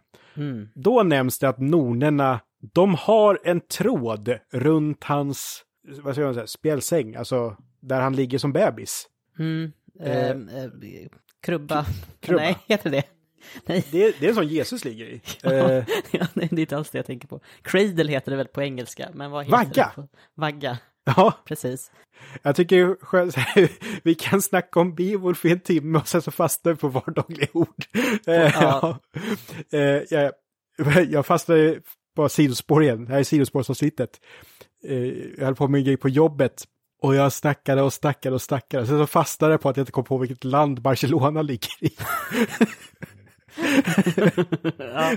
Det är sådär, ja, nu, nu vet jag att det ligger i Frankrike. mm, bra. Och de pratar portugisiska där då. Ja, jag skojade lite. Eh, Jag också. Nu. Bra. Ja, men hur så, okej. Utan i andra Edda-dikter om nornerna, om vi återgår till dem, Ja. eh, det är då att i eh, Vafthrudnis baul, Vafthrudnes sång, och det är då Oden under tortyr, berättar olika saker från den mytologiska världen. Och då är det ju att nornorna ristar öden. Och det de ristar på, det är samma ord som sen i våra språk kommer att utvecklas i skida, så någon typ av träplankor får vi tänka oss, eller stavar. Och eh, i Havamal, där berättar Oden att han har hört nornorna prata om runor. Mm. Då man då tar de två Edda-dikterna som egentligen brukar ses mer som grundmaterial för en mytologisk världsbild, då är det att nornorna alltså ristar runor som människornas öden. Just det. Jag tänker med det här, eh, vad, vad, vad heter det nu, Helge Hundingskvida. Mm. Eh, det, det är någonting också med någon sorts, det beror ju helt på vem som har översatt. Någon väv eller något tråd Mm. som man har knutit ihop också. Men jag minns inte om det, hur, om det framstår hur de har skapat den. Eller om de har skapat tr- trådarna. Det, det var liksom Mm. inte tydligt på något sätt. Nej, och där Jackson Crawford, han är inne på att det här är nödvändigtvis inte ett öde från födsel till död, utan snarare att de måttar upp hur hans rike kommer att bli, för han ska ju bli kung. Exakt. Det var något sånt ja. Så att det var, just det, och det här med stavarna så tänker man rista runor på. Jag menar de, eh, i te- textilhantverk så har ju ofta den här, eh, som man, eh, gud jag tappar, slän, sländtrissan sitter ju på en pinne, en stav, där som man liksom snurrar för att spinna tråd. Kan runorna ha funnits? Det är liksom det, men det blir, finns ju ingen tydlighet eller självklarhet i det. Heller. Nej. Och sen så har man haft, ofta haft vävmaterialet på eh, en annan pinne. Vävstolen. Nej, nej, själva innan man spinner, tänker jag. Då har man ju materialet innan man har Ja, det till tråd. Eh, distaff kallar man det på engelska. Jag har helt tappat det.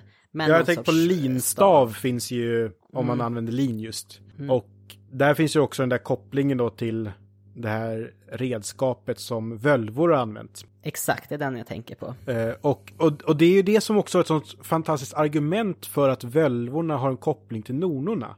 Att de har det här textilredskapet. Ja, Och då plötsligt om nornorna inte har med textil att göra. Då, nej precis. Det, det är ju långt ifrån och titta vad tydligt. Vi, det vi pratade om var, eller, och Crawford, var att ja vi har ju den här att det är tre stycken som verkar ha, som har namn som har med det förflutna varandet och framtiden ish att göra. Mm. Urd, Verdandi och skuld. Ja, och de här mojorna, att och det här att de är tre.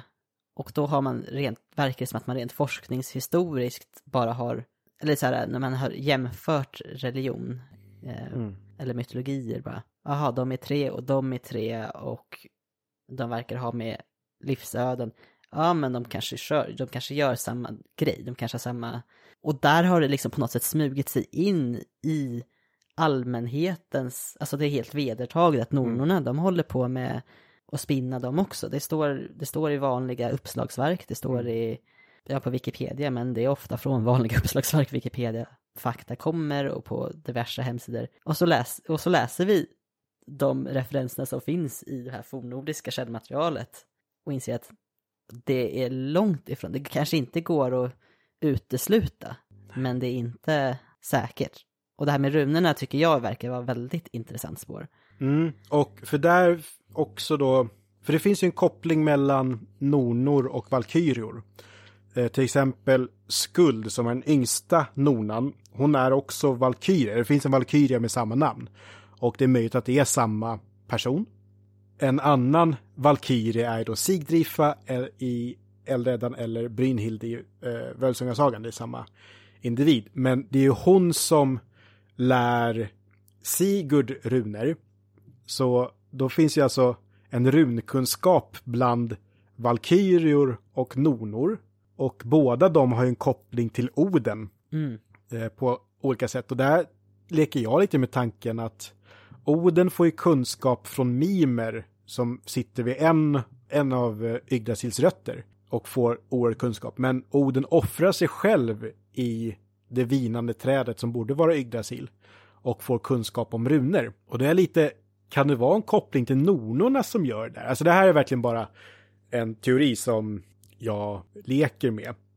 Jag, För jag, de uppehåller sig också vid Yggdrasils rötter. precis, De ser, Yggdrasil till har vatt, de ser till att vattna Yggdrasil för att hålla trädet levande och så vidare. det är ju tre rötter, så det är ju Mimers brunn och det är Urds brunn där nornorna sitter och sen är det då tredje roten som draken Nidhögg gnager på. Och där väger ju Nornor och Nidhögg upp varandra lite grann, för Nidhögg är ute efter förstörelse, men Nornorna eh, får att leva. Mm. Ja, nej men så, så det är ju jättespännande. Men sen så är det just det här om vi ska försöka knyta ihop det här med textilhantverk igen.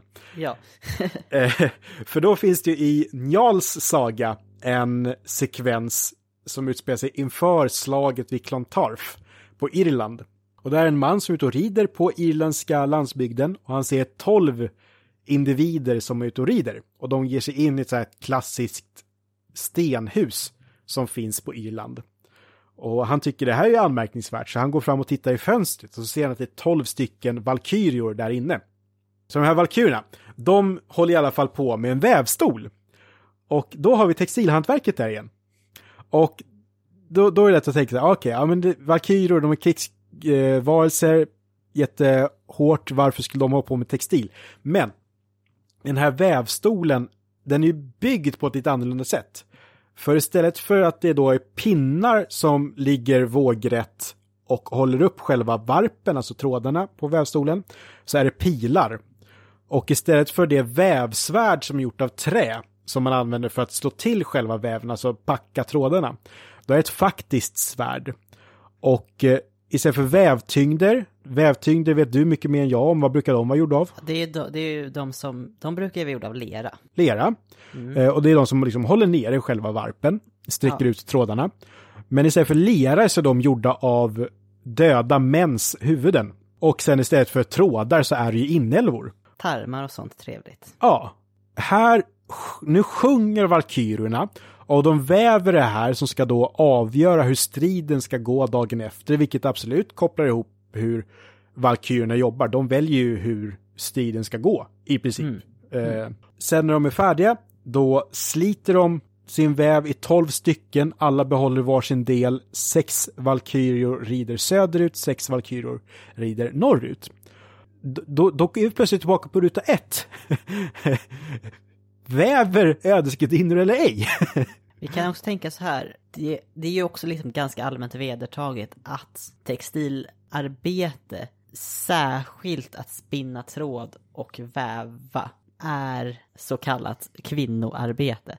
Eh, att det är klart, män kan ju göra det om de vill. Men det är väl, normen är ju att det är en kvinnosyssla under eh, den här tiden. Och eftersom nornorna då är kvinnliga gestalter så är det, det är fortfarande inte orimligt. Nej, Men vi har inga direkta belägg för det. Nej, och där, ja, jag har ju ett visst intresse för runor och eh, där jag tänker då på olika monument, alltså att runstenar som ofta är minnesinskrifter härmar runstenar nornornas runinristningar.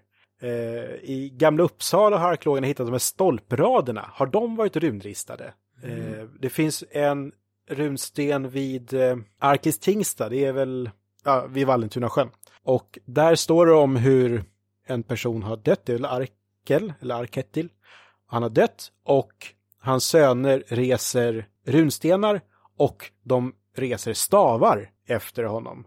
Eh, och samma sak när eh, Ahmad ibn Fadlan möter ruserna på floden Volga. Då har de också rest massa stavar. Alltså jag funderar på om det finns en, ett organiskt material som har förmultnat ifrån oss som har haft runor på. Mycket möjligt. Ja, För det är ju ändå, jag tänker i, i Sigtuna och så, där man har hittat mycket, där man har hittat små runmeddelanden ner liksom på ben, som ofta bevaras lite bättre än trä.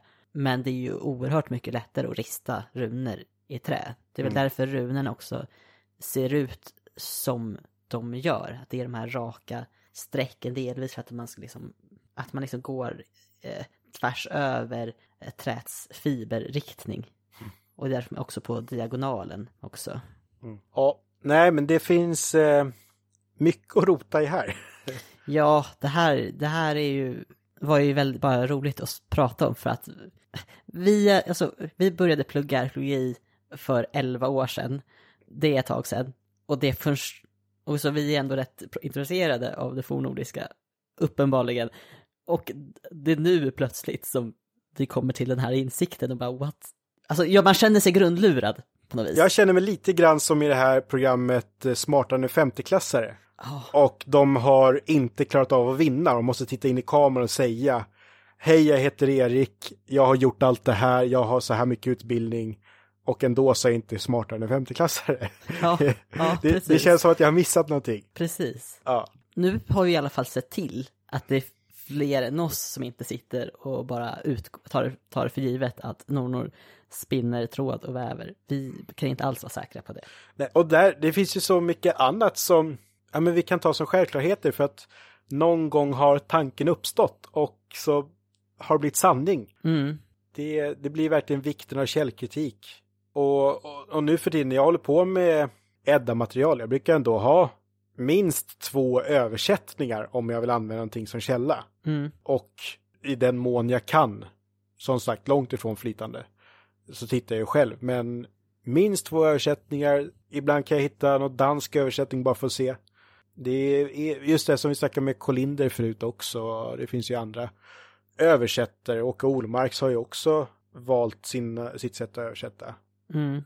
Så ja, det var viktigt det här. Ja, Mm. och högst relevant eftersom vi, vi är i, i Beowulf ligger lite gräns, gränslandet mellan mytologi och mer kanske legend, saga. Så nu, nu drev vi oss in lite mer i mytologins värld Mm. i alla fall. Och det var en sak till som vi hade pratat om eh, hos Podius Castus. Ni som inte lyssnat på det avsnittet kan ju gå in vi jämför grekisk och nordisk mytologi tillsammans med, med dem. Men det var något med färgkaren också. Vi pratade om likheter och olikheter med vad som hände efter döden. Och där har ju då den grekiska mytologin Hades och för att komma till Hades så ska man ju resa med färjekarn över floden Styx. Mm. Karon heter väl färgkaren? Karon, så var det ja. Då undrade de andra om vi har någon färjekar. Och vi sa lite kaxigt, nej, det har vi inte. Det finns en flod, men man, tar sig, man kommer ju över den. Men, men så har jag då Och det är till hel då vi pratar. Ja. Nu under en liten ledighet så har jag läst Völsungasagan. Som då är prosavarianten av en av Völsungacykeln som också finns i den äldre Eddan och Snorre hänvisar väl till det också. Men om man följer en ett i, vad var det jag sa nyss, sju generationer, åtta generationer. Men då är i alla fall att när hjälten som heter Sinfjotel, när han dör, då bär hans pappa iväg på hans kropp och är jätteledsen och sen så dyker det upp då vid ett vatten står det en man där som är, han är väl klädd i mörkt och han har ett långt skägg och han är en färjekar. Och säger, jag kan transportera din son, men jag har bara plats för en ombord på färjan. Och då så säger, ja men ta min son Sinfjotel först och sen får jag resa med dig sen. Men den här färjekarn då knuffar ut sig i vattnet på färjan. Då försvinner de och det antyds att de då kommer till Valhall. Och det här, den här mannen är då Oden som är färgkar. Mm. Och det, i just den sekvensen så säger de inte att det är Oden. Däremot så dyker under flera gånger i Völsungasagan så dyker det upp den här skäggige mannen med slokhatt och mantel eller det varierar lite grann hur han framstår. Och ungefär varannan gång så på, poängterar de att det, det var Oden. Då är ju plötsligt Oden en färgkar. Det passar ju bra med liksom hans roll som psykopomp. Eh, och det är ett begrepp som då används för de varelser som tar människor mellan världar, alltså mellan levande och dödsrike. Det var nytt för mig. Eh, så, så då, då har vi plötsligt en färgkarl. Däremot, och, och då kommer jag lite kaxigt nu istället säga, vad jag vet så är det här enda gången det händer. men, men det säger, är också då lite spännande med hur olika berättartraditioner sätter sin egen prägel och, och just Völsungasagan finns det ju olika källor till. Det, där är kanske mest kända är ju det istället, eh, det är väl fornhögtyska med Nibelungen. Det är ju förevigat av Richard Wagner i operacykeln Nibelungens ring. Eh, som ju då också är till stor del ansvarig för det stora vikingaintresse som bröt ut på 1800-talet. Eller han var lite grann, jag ska säga, refrängen på det. Då finns det då nedskrivet i olika fornnordiska källor, vi har tyskt material, men delar av den här cykeln finns ju också på runristningar. Det finns Sigurdristningen eh, vid Ramsunda sjön, eller vad heter det? Ramsundaberget. Ramsundaberget, ja. ja så där... utanför, utanför Eskilstuna. Så var det. Och där kan man då se hur Sigurd dödar draken Fafner och det är en massa andra bildelement som också går kopplat till den här historien. Det är därför vi då kan veta exakt vad det är för någonting. Eh, själva inskriften är en minnesinskrift, så det, det har inte med sagan att göra. Däremot så har flera av personerna i inskriften namn som börjar på sig. Så jag tror att den här familjen har, ser som att de är någon typ av släktskap med Sigurd Fafnersbane. Och sen så finns ju då, det finns fler Sigurdristningar och det finns också Drävlestenen i Uppland. Där man också ser Sigurd och det är dvärgen Andvare som håller i sin ring, Andvarnaut och eh, Brynhild, Valkyrian Brynhild eller Sigdrifa är också med.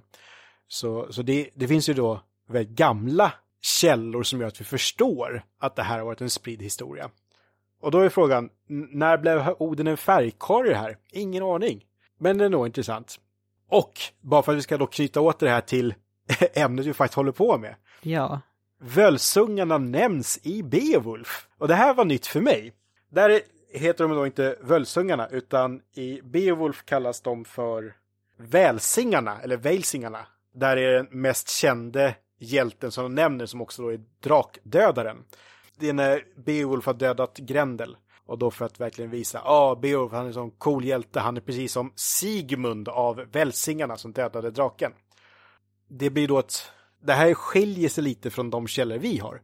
För i fornnordiska materialet då är drakdödaren Sigurd. I det tyska materialet heter han Sigfrid.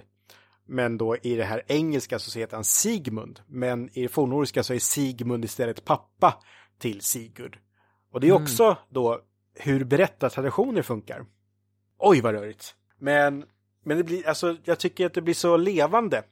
Visst, vi kanske bara har några enstaka källor till någonting, men om vi har en sån spridning förstår vi verkligen hur många människor som har kunnat beröras av det här. Precis. Det, det är liksom inte slump att det dyker upp så spridda varianter. Nej, för de har för mycket gemensamt för att ha också för uppstått på olika platser också. Mm. Men med det, den äh, återkopplingen till Beowulf så ska vi då in i ämnet igen helt enkelt på vår tredje del Nu kommer vi prata om lite teman och tolkningar som finns.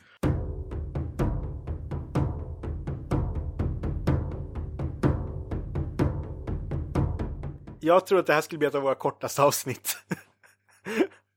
det blev det inte. Nej, det här kan bli vårt längsta avsnitt. Det var precis det jag skulle, skulle säga. Välkommen tillbaka in i andra halvan. Det har typ gått två timmar redan. Förhoppningsvis lite kortare. Men Ja. eh, jag hoppas all ni som lyssnar har lika roligt som vi har. Ja, med, med, alltså efter det här avsnittet så behöver vi liksom inte, vi kan bara säga Beowulf och så förstår ni vad vi, vill, vad vi menar med det och så, så kan vi gå vidare mycket snabbare. jag, jag, jag, har faktiskt, jag har faktiskt tänkt att när du valde det här ämnet, att du är lite så här, nu ska Erik bara få ur sig allt det här så slipper jag det. Och- Och nu känner jag lite, det finns en rolig historia om att det är tre gubbar som sitter på en bänk. Och så säger de bara siffror till varandra och så börjar de skratta. Och det är någon som hör det här och gubben säger så här 14, haha, och så börjar de skratta.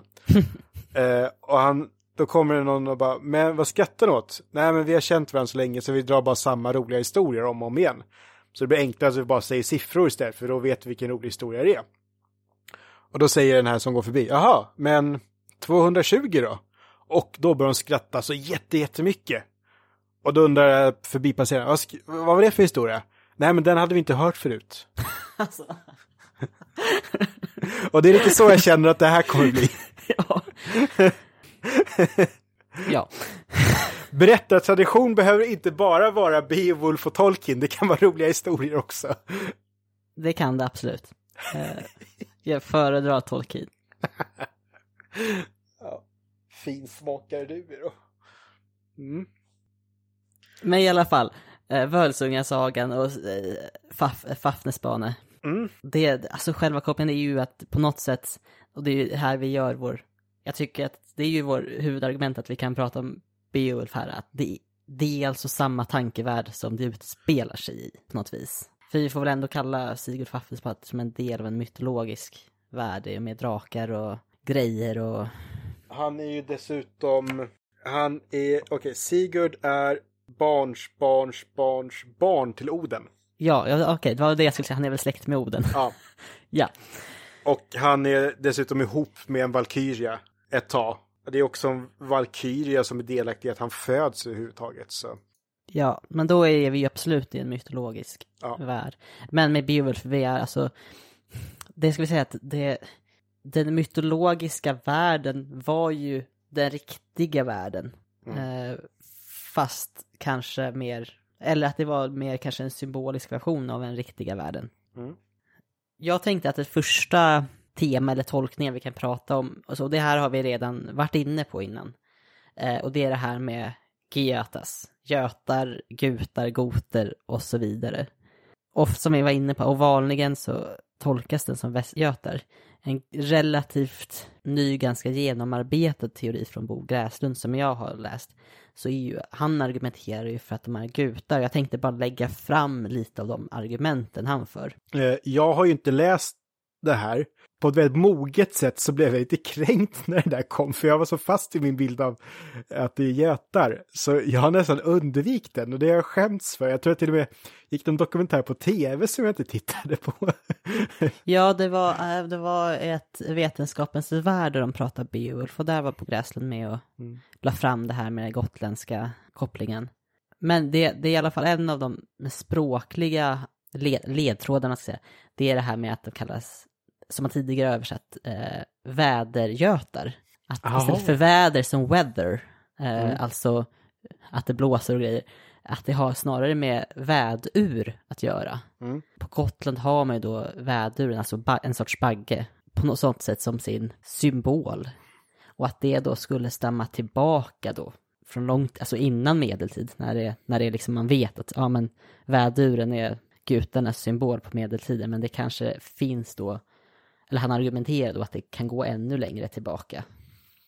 Och då blir liksom vädurgutarna de som är på Gotland. Och, och sen så är det, har han också det mer jag tycker väl kanske att de mer geografiska argumenten är, är de starkare just för den här båttransporten och bo vid havet. Ja, Vänern är stor, det är en stor sjö. Eh, men det är svårt att segla från Vänern till Danmark. Man får ta fart. Men från Gotland är det ganska lätt. Och just det här som vi varit inne på med, med, med den här konflikt, alltså det, konfl det, ja, det var dels konflikter och kontakter då mellan svear och gutar är också ganska, ganska tydlig i en stor del av järnåldern också. Så att det är väl några av de starkare argumenten. Sen finns det fler, men det... Jag är, så här, jag, är, jag är öppen för åsikter, jag kan inte bara tro tvärsäkert på det ena eller andra. Men jag tycker det var kul med ett nytt perspektiv på det. Att mm. den här diskussionen kan få livas upp. Ja, eh, och där, det som jag vill ha tänkt utan att sätta mig in lika mycket som Bo då, utan nu, nu tänker jag bygga det här framförallt på mina kära hjälmar. Mm. Och eh, hjälmar beskrivs på flera ställen i Beowulf. Och de är guldglimrande, de är glimrande, de är smidda av smeder och de är allmänt fantastiska. Och de är gärna prydda med grisprydnader. Det här är ju då, de kan sitta uppe på huvudet eller så nämns det också, det är samma där med att han som vaktar stränderna kommer. Där beskrivs som att det sitter grisar ovanför kindskydden. Det här med grisar, det är ju lätt att tänka, eller lätt och lätt, man tänker sig gärna de galtar som är kopplade till Frej, eller galten till Frej och Freja.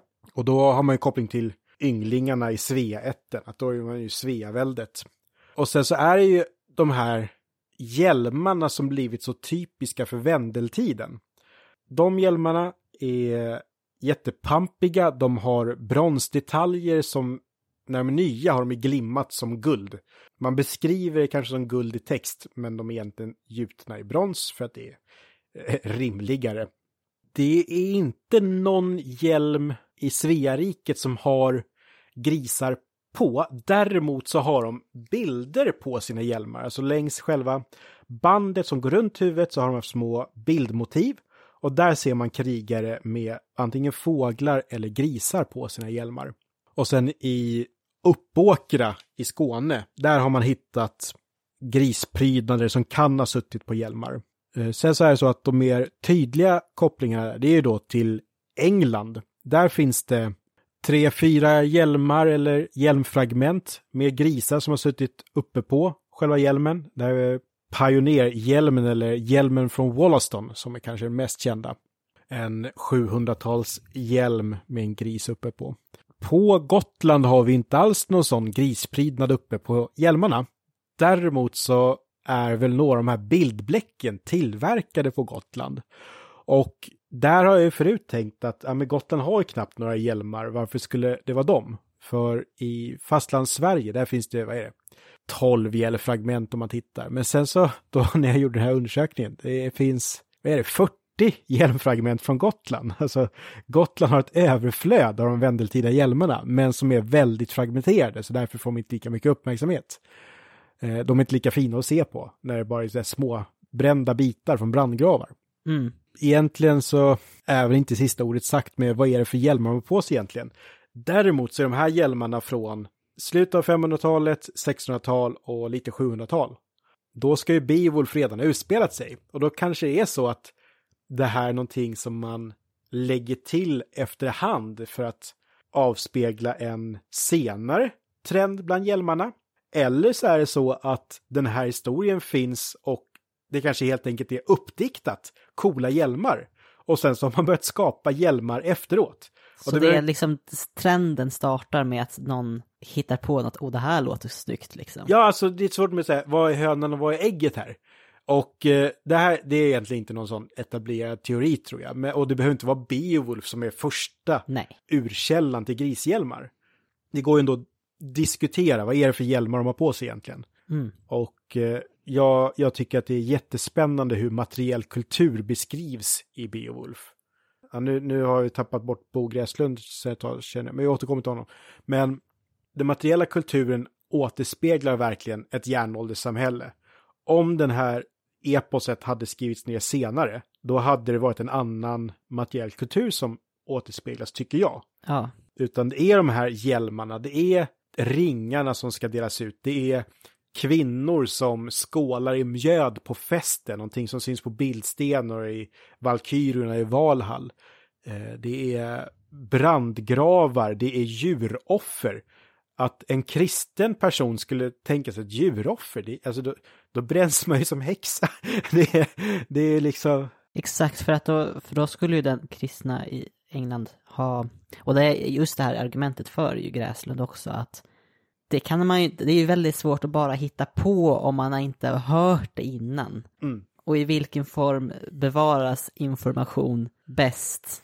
I, i en muntlig tradition på dikt som det finns olika Ja men det här just som vi har pratat om med rimmen och så gör det lättare att minnas en eh, muntligt traderad berättelse, bland annat. Beroende på när då i, i England vi rör oss. Där finns ju då den här kända graven från Sutton Hoo. Mm. Som man gärna kopplar till kung Redvald. Och att man säger att det är kung Redvald som är begravd där, det är just för att det finns både kristna och hedniska element. För kung Redvald, han var kristen, men han hade också ett hedniskt tempel hemma. Han verkar ha varit lite så här halvhednisk. Och där jag såg eh, eh vad heter? Martin Rundqvist, arkeologen, han höll en stream på Gamla Uppsala museum häromveckan.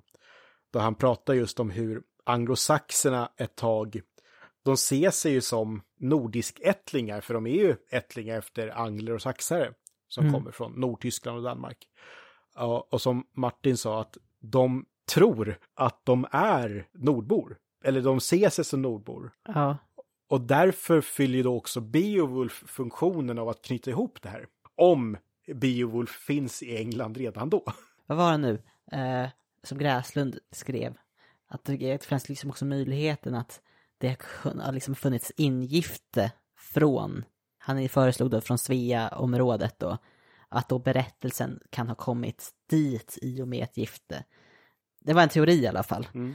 Men det kan ju liksom också ha berättats, liksom alltså spridits från Danmark och så också. Det här är ju oerhört spekulativ och folk verkligen försöker hitta smulor som kan pussla ihop det här. Men det är väldigt intressant och spännande.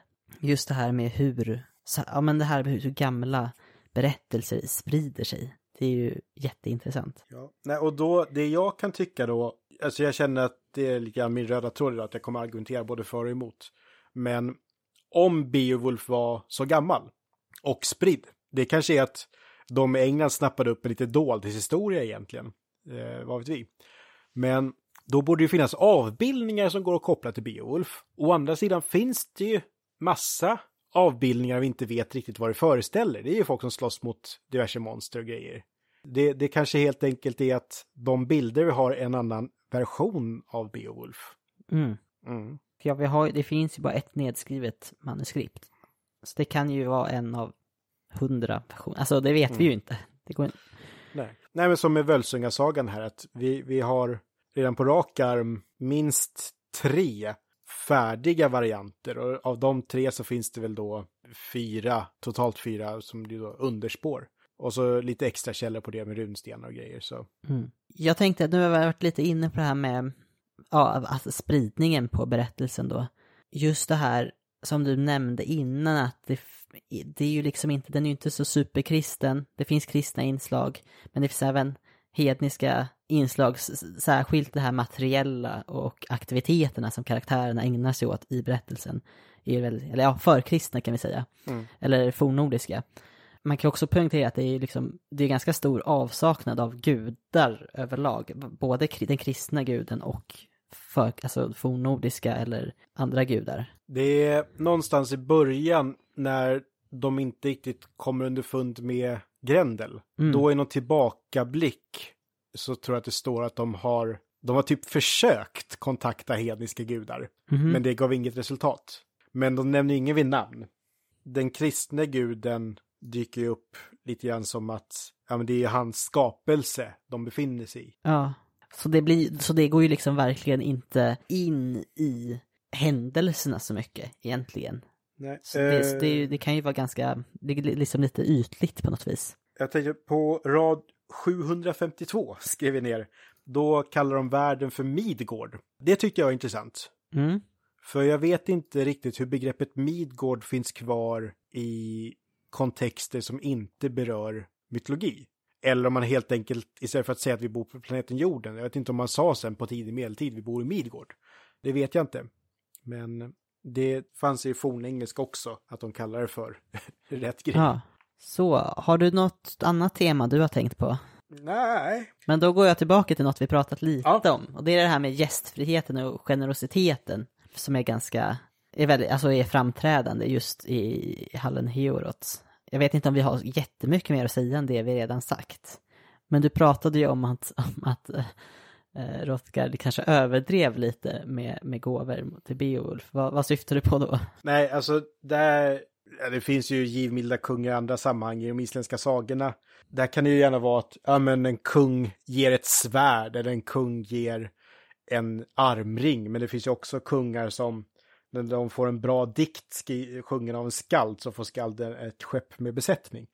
Mm. Så det finns ju andra exempel på överdådiga kungar. Och det jag tycker med Hrothgar det är att han ger ju Beowulf och hans vänner alltså fulla uppsättningar av rustning. Mm. Och de hade redan kommit dit i trevliga, alltså bra rustningar också. Ja, nej men de, de är liksom, det är svärd med gulddetaljer. Att det är ju dyra grejer. Om man tittar på vad de här sakerna ska vara ett värda. Jag tror att, alltså så jag brukar tänka med vikingatiden att har man råd att köpa en hjälm, då har man råd att egentligen bygga ett nytt hus.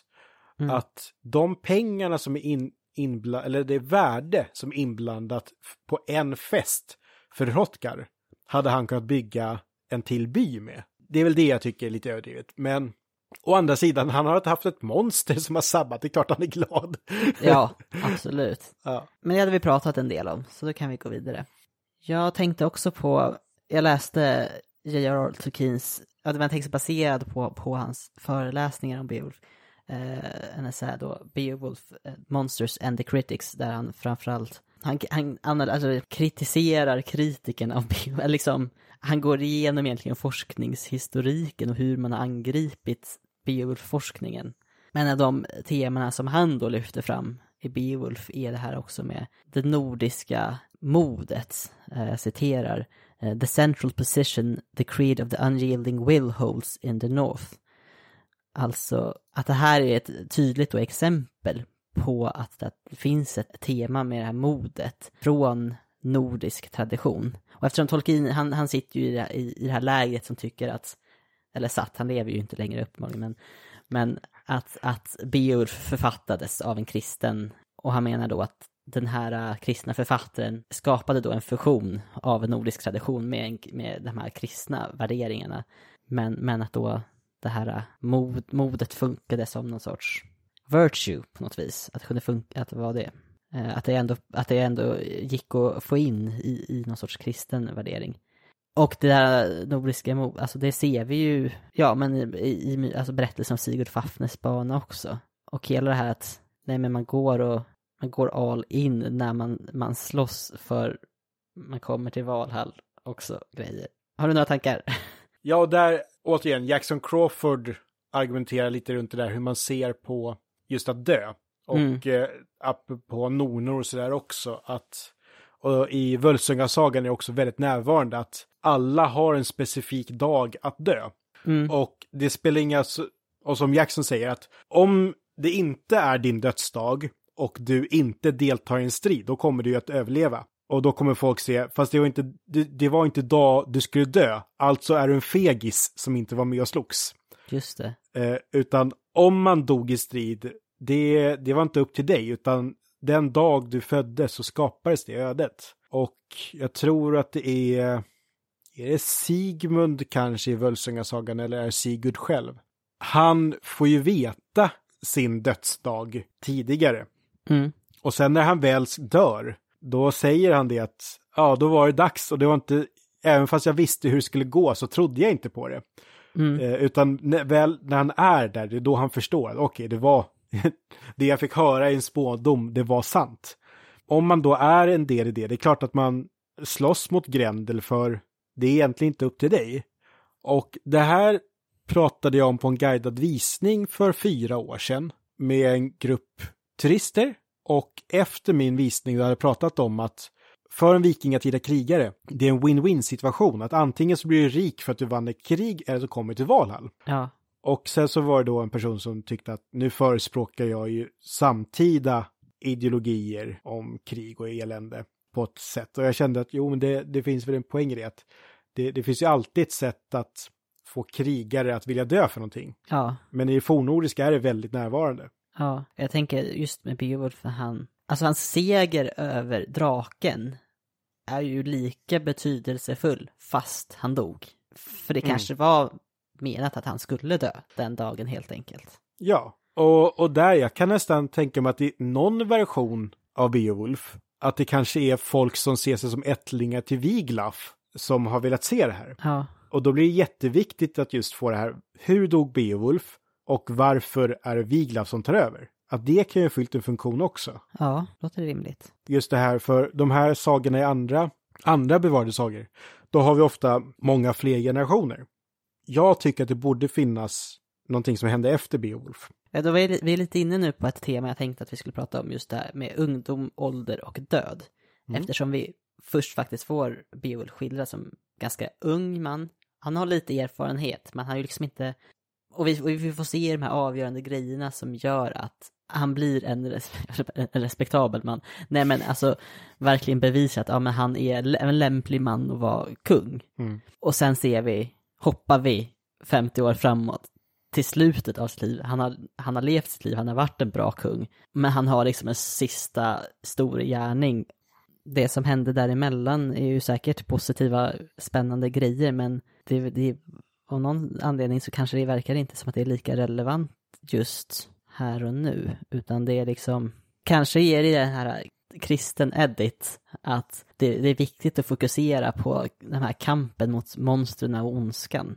Eller vad, vad tänker du?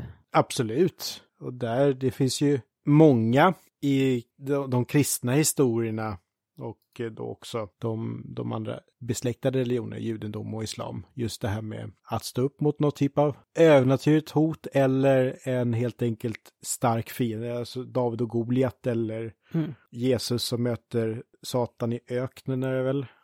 Det finns ju alltid där. Å andra sidan så fi, fi, finns det ju många historier där folk slåss mot onda. Det är ett ganska vanligt tema, ja, det är det ju.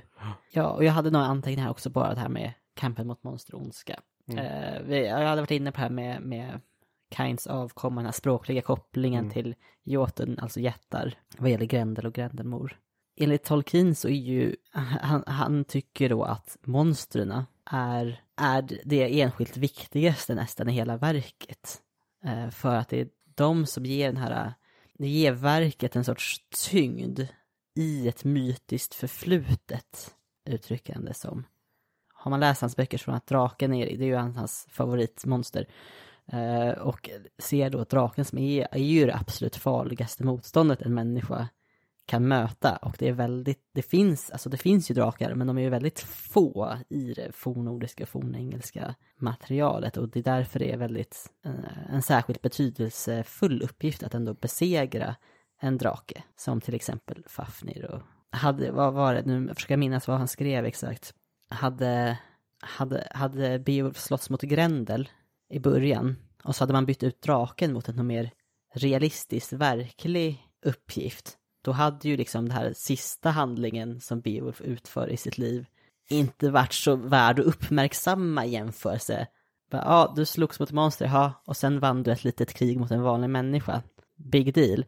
Och hade, man hade, hade det varit tvärtom, då hade man å andra sidan, när man kommit till slutet med draken, bara, så var helvete kom den här draken ifrån? Det här var ju på riktigt, alltså, det hade liksom blivit för fantastiskt jämfört med det tidiga. Just det är ju det, det som Tolkien då anser ger den här så kallade poetiska vikten. Det, det är väldigt viktigt att det ska vara monster båda gångerna. Och det sista jag skrivit är då eh, Bo Gräslunds kommentar på det här med monster. Han har ett helt annat perspektiv på dem, utan att han då tänker att, att monstren är, är då metaforer eller allegorier för faktiskt historiska händelser. Det här har jag ju inte sett någon annan vara inne på. Att då eh, Grendel och Grendelmor, de ska då vara visuella metaforer då för eh, svälten i samband med klimatkatastrofen där i mitten på 500-talet. Och att då Beowulf ska, han har, han har ju liksom klarat av och veta, ja, rädda människor från svält på Gotland och då ska han ner, ner till Danmark och råd, ge råd till Rotger om, jaha, så här ska ni klara svälten efter den här klimatkatastrofen. Man skriver in om det i en berättelse, snarare alltså att man besegrat ett monster, men det är snarare någon sorts klimatkatastrof man har klarat av att hantera. Och sen det här med draken, att det är snarare då en allegori för, för att svearna kommer med sin krigs, krigsföring på Gotland och konflikter och bränner ner byar och grejer. Så att det då ska vara en, att han besegrat en kung från Sveariket då, eller Sveaätterna. Och jag som sa att Beowulf inte hade en skattepolitik. Ja, eh, så att det finns, alltså det är ju det som är spännande med Beowulf också, att det Alltså vi har ju bara nosat toppen av isberget på något vis. Ja, nej för jag, jag har läst med just Sigurd Fafners barnen vill man ju gärna dra in. Ja, gör det. Hela Völsunga-cykeln knyts an till, de pratar om Hunner och Hunnerkonungen Attila är med, fast han kallas för Atle. Mm. Och där har jag sett det föreslaget att Sig, alltså själva draken Fafner, att det kanske skulle då vara alltså, romarriket, eller ja, Västrom, är ju närvarande på något sätt. Och att Fafner skulle representera det på något vis. Okej, okay, ja. Men eh, jag har sett lite seriösa tankar om det, så kan du känna ibland att det spår ur. Ja, men att det är Fafners fjäll, det är då den senromerska pansarrustningen. Ja, ja okej. Okay. Det är intressant då när någon då som Bo verkar göra, nu som att jag känner, professor Gräslund, mm. att eh, ändå lägga lite tid på det, att knyta ihop det. det är, jag, jag kommer ju läsa den till slut. Mm, jag tycker det är läsvärt för att få lite nya perspektiv mm. faktiskt. Så tips för er som vill eh, försöka landa mer i den liksom eventuell mm, vad ska jag, arkeologisk, historisk, materiell bakgrund till, till Beowulf. Eh, jag kom på en sak vi glömt ta upp. Ja. Beowulfs namn. Ja, men gud. ja. ja. För Beowulf i sig, det låter ju coolt. Det, ska, det finns ju olika varianter på hur man ska utläsa det, men det jag tror är mest accepterade nu, det är att det, bio, eller bi, det är då bin, alltså de som gör honung. Precis. Och sen kommer Ulf, så bivargen. Vem är som en varg för bina? Det är björnen. Det är alltså en kenning. Ja, ja men där har vi en kenning ja. Eh, sen finns det varianter på om man ska utläsa på ett annat sätt, att det är ett mer rakare steg till att det är en björn. Men på något sätt så har det med björnar att göra i alla fall. Och det passar ju också utmärkt med hela den fornordiska kulten. Och Odens bärsärkar, hur man nu ska utläsa det ordet. Om det är björnkrigare eller ej. Och här är väl, jag vet inte, uh, det är väl liksom, det är väl hans smek, karaktärens smeknamn egentligen. Ja, alltså det där hörde jag från Anders. Alltså, för han pratade om att man kanske, vi var på exkursion i en fornborg, folkvandringstid. Mm. Det kanske är när man träder in i fornborgen under någon typ av kult som man får ta emot sitt nya namn. Och att det kanske är någon sån ritualen Beowulf skulle kunnat få sitt namn. Men jag kommer inte ihåg hur de uttrycker det i sagan tyvärr. Nej, inte jag heller. Uh, jag minns inte om det var en tolkning eller om det Mm. var något från... I alla fall, det är inte nödvändigtvis hans givna, alltså som vanligt förnamn, det kan vara liksom ett tillnamn. Vi kan lämna det. Ja. Men eh, ja, innan det här avsnittet blir för långt så ska vi gå in på vår fjärde och sista, lite mer lättsamma del. Så vi kanske håller lite kortare. Ja, och det, nu ska vi alltså läsa hela Beowulf innantill. Eh, först på fornengelska och sen Mm. så översätter vi det i realtid. Mm, det är Klingon.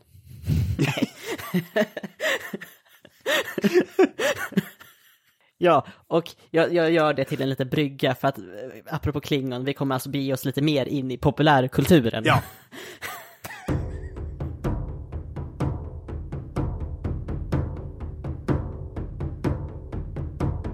För Beowulf har ju alltså, det finns ju mycket, säger man adaptioner på svenska? Adaptions på engelska, adaptioner, ja. Eftersom det är ett så gammalt verk så är det ju ganska fritt fram. Det är ju inte som att det är någon stor copyright på Beowulf. Så att den är ju, det är liksom free for all att liksom omvandla det till ny litteratur eller filmer och tv, serietidningar eller teater, opera, framställningar, musik, spel. Och det har gjorts. Det finns hur mycket som helst, mycket mer än vad jag hade förväntat mig. Mm. Faktiskt. Ja, där, vi trillade ju över ännu fler saker bara häromdagen. Ja, kan du snälla berätta om den? Ja, jag var ute på Etsy och kollade efter coola Beowulf-grejer. Jag hade hoppats på något snyggt smycke eller sådär. Och hittade istället eh, serietidning utgiven av DC Comics, eller då hette de väl bara DC, Detective Comics. Eh, på 70-talet. De hade då en Beowulf-tidning. Ja, det fanns också, jag hittade sen tidningen, alltså i samma serie med ett annat nummer, men då var det Beowulf vs. Dracula. Alltså Beowulf mot vampyren Dracula. Och eh, det där är så här ganska, det finns ju fler sådana serier. Det är ju Varulven mot Dracula, det är Frankenstein mot ja. eh, monstret i Blå lagunen. Och eh, då fick de in Dracula. Jag kan mycket väl tänka mig att det finns, det finns ju Batman mot Dracula också. Beowulf har på sig, ja vi ska inte säga att det är historiskt korrekta kläder. Det är någon typ av tanktop som går till strax under bröstvårtorna. Ja, det var liksom lite, lite för revealing. Eh, vad var det jag sa till dig? Att det ser ut som något, inte särskilt PK-dräkt som, som man hade satt på en kvinnlig karaktär. Eh, ja. Men sen tog Beowulf den och då var den ju lite för liten så den täckte ju inte allt. Nej. Så, lite så ser hans kostym ut. Så. Ja, och hon på hjälmen och sådär va, men det tycker ja. jag, det, det får man acceptera. Ja, nej men så det, den fanns ju. Den fanns. Då vet vi det. Mm. Jag, jag tänkte bara, jag försökte tänka vad jag har sett själv. Mm. Och jag insåg att jag har sett tre, eventuellt fyra filmer. Jag har nog sett fyra, men den är, jag är en av dem som jag är osäker på. Det är ju då, då filmer jag pratar om. Eh, du har pratat lite om en av dem redan. Eh, den Beowulf från 2007, med, där Angelina Jolie spelar Grendelmord. Då. Alltså, man har, man har utifrån skådespelarna gjort, jag minns inte om det var faktisk motion capture, men man har utgått från skådespelarnas utseenden i alla fall och gjort 100% digitala bilder helt enkelt. 2007 var det ett high-tech va? Ja. Och sen kom Avatar och ändrade förväntningarna. Ja, det har inte åldrats bra. Nej. Men det är ju sådana filmer som måste göras för att det ska ja. ske filmiska framsteg också. Så. Och till filmen dök det upp tv-spel också. Det är Playstation 3-generationen där omkring. Men jag tror också det, det de insåg med den här filmen, för de, jag minns inte vem det är som de castade som Beowulf, men jag minns, jag för mig att han var ju inte så jäkla fit direkt. Men eftersom de gjorde om honom i datorns värld så kunde de ju göra en fit Beowulf ah. av honom också. Okej. Okay. Men den är väl, det finns inte någonting i den som är historiskt arkeologiskt korrekt tror jag. Utan det är något så här high fantasy-mode som gäller. Ja. Jo, eftersom det är digitalt så ser ju allt lite plastigt ut också. Ja. Eh, jag ska säga, jag har bara sett den en gång och det var ja, när den var ganska ny på DVD. Så att det, det, det är över tio år sedan. Ja, samma här. Jag minns, jag minns inga detaljer och jag hade inte så mycket, jag hade liksom inte läst något om Beowulf då riktigt. Så att jag hade liksom inte så mycket att jämföra med. Nej, det jag kommer ihåg det är att han, när han i någon scen i början, då ska han presentera sig själv. Mm. Och han säger någonting om att typ, jag är bitaren, jag är huggaren i natten, jag är Beowulf. Och det här var ju så fruktansvärt coolt.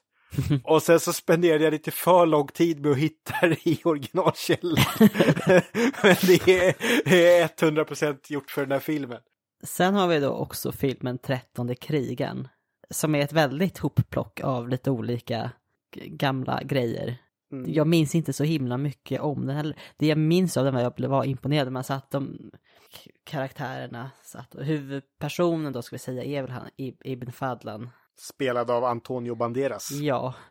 Men han har då dött ihop med ett gäng eh, germaner slash fornnordiska personer, ett band. Och det, mitt enda intryck är att de sitter där och pratar, någon pratar svenska och någon pratar norska, så man hör att jaha, de har ju använt faktiskt kastat folk från från Skandinavien som de här. Sven Wollter är med tror jag. Det kanske, ja. Jag tror han är hövding. Men jag minns inte så mycket av den. Nej, nej och där, det bygger på en bok i sin tur som är inspirerad av just Ibn Fadlan och vad han skriver om nordborna. Men så är det också Beowulf, för den här festen blir väl attackerad av någon typ av monster. Mm. Som i filmen framställs som någon typ av neandertalare. Ja, just det. och de dyrkar statyetter av Venus från Willendorf. Det här arkeologiska fyndet med en eh, kvinna. Ja, det, är, det är väl långt före Ja. Beowulfs tid i alla fall. Och långt efter att det skulle vara neandertalare som dyrkade den. Ja, så att Ja. det är liksom ett kronologiskt mischmasch av saker som är flera tusen år separerade. Jag minns, alltså rent, skiter man i det så minns jag att det var väl helt okej att titta på. Men eh, det, det, man, ska, man får inte tänka för mycket på de kronologiska omständigheterna. Det är en av få filmer jag har valt att inte se färdigt. Mm. Och jag ska säga, den här var, såg jag eh, ännu längre, den såg jag så kanske när jag gick i högstadiet. Ja, Okej. min filmsmak kan ju ha, eller min uppskattning av filmer kan ju ha förändrats också. Mm. Men apropå filmer som man inte ser klart. Jag började titta på filmen Outlander från 2008 eh, och såg inte klart den.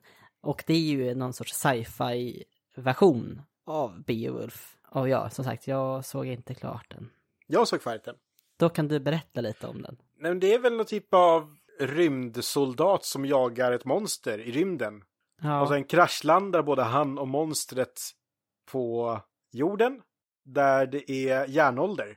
Och det som är Grendel i Beowulf-kvädet är då i själva verket, den här utomjordingsmonstret. ja, han som är rymdsoldat gör väl till slut ett riktigt coolt vapen av sitt skrotet från rymdskeppet. Ja, det, det, det är nog längre fram än vad jag Ja, men han, kommer. han gör ett rejält så här. Men det är också, alltså, det är nog mjödhall och grejer. Så det är ändå, vad ska jag säga, hjältekontext. Sagornas och lägereldarnas tid. Sen finns det en Beowulf från 99 med Christopher Lambert som spelar då eh, Connor MacLeod i Highlander-filmen. Eh, han är så här riktigt vitblond i den här filmen. Jag kollade på bilder och jag bara, det här ser så jäkla bekant ut, jag måste ha sett det här. Men jag, jag kollade på trailern och bara, men jag känner inte igen det. Men jag tror jag sett det. Ja, nej, jag har inte sett den och jag har ju haft ett sånt projekt att jag vill samla på mig filmer med historisk anknytning. Mm. Och den filmen har jag valt undan för jag tittar, alltså jag hittar den i DVD-boxar här där och så känner jag att nej, Christopher Lambert, han står med ett armborst på en motorcykel tror jag på framsidan. Den, är, den, det, den har en viss Mad Max-aura. Ja, Har den, minns jag från trailern när jag tittade om den. nej, jag, jag har inte sett den. Men har du sett något annat? För nu, nu har jag slut på vad jag har. Eh, jag har sett Beowulf med Gerard Butler och Stellan Skarsgård. Okej. Eh, vet inte när den kommer ifrån, det är väl en bit in på 2000-talet. Gerard Butler är rätt ung. Är det den som heter Beowulf and Grendel? Ja, men så kanske den heter, ja. Erik tittar i DVD-hyllan ser jag. Jag kom, vänta. ah, jag kommer till här. Aj. Aj. Ah. Du har helt rätt. Beowulf och Grendel från Mm. 2005. Det är en islänning som är med och gör filmen. De, de spelar in den på Island har jag för mig. Det är vikingabåtar, det är ringbrynjor, det är svärd som ser nästan okej ut. Det är hjälmar som jag tyckte var jättesnygga när jag såg den först. För man ser att de har i alla fall, när de har gjort den här filmen, de vet hur en vendeltida hjälm ser ut. Men sen så har de förenklat det lite. Jag har väl tyckt att det är en, för att vara en sån stor film så är den rätt okej. Mhm. Däremot sen så är det ju massa små grejer som är konstiga. Att jag tror att när de är i Heorot så är det så här, åh cool hall och det är mörkt och det är häftigt så här. Men jag tror också att det är någon typ renässanstavla som står lutad mot en vägg i bakgrunden. Att de har ju så här, det här ser gammalt ut, vi ställer dit det. Okej. Mm. Och där, den har ju en relativt, eh, de försöker ju förankra i verkligheten. Att det är inte, det är inte draken och det är inte något monster utan det är en missförstådd man. De, han är, det börjar med kung Hrothgar innan han är Hrotkar, äh, eh, kung utan han är liksom någon typ av soldat, krigare. Men då jagar de en väldigt lång, stark man som är, jag vill säga lite neandertalarvibbar, men ändå inte neandertalare. Han är bara konstig. Och Hrothgar låter, de dödar den här långa mannen, men låter han, Hrothgar låter i hemlighet hans barn överleva. Och det växer upp till att bli Grendel som kommer att hämnas på de onda andra.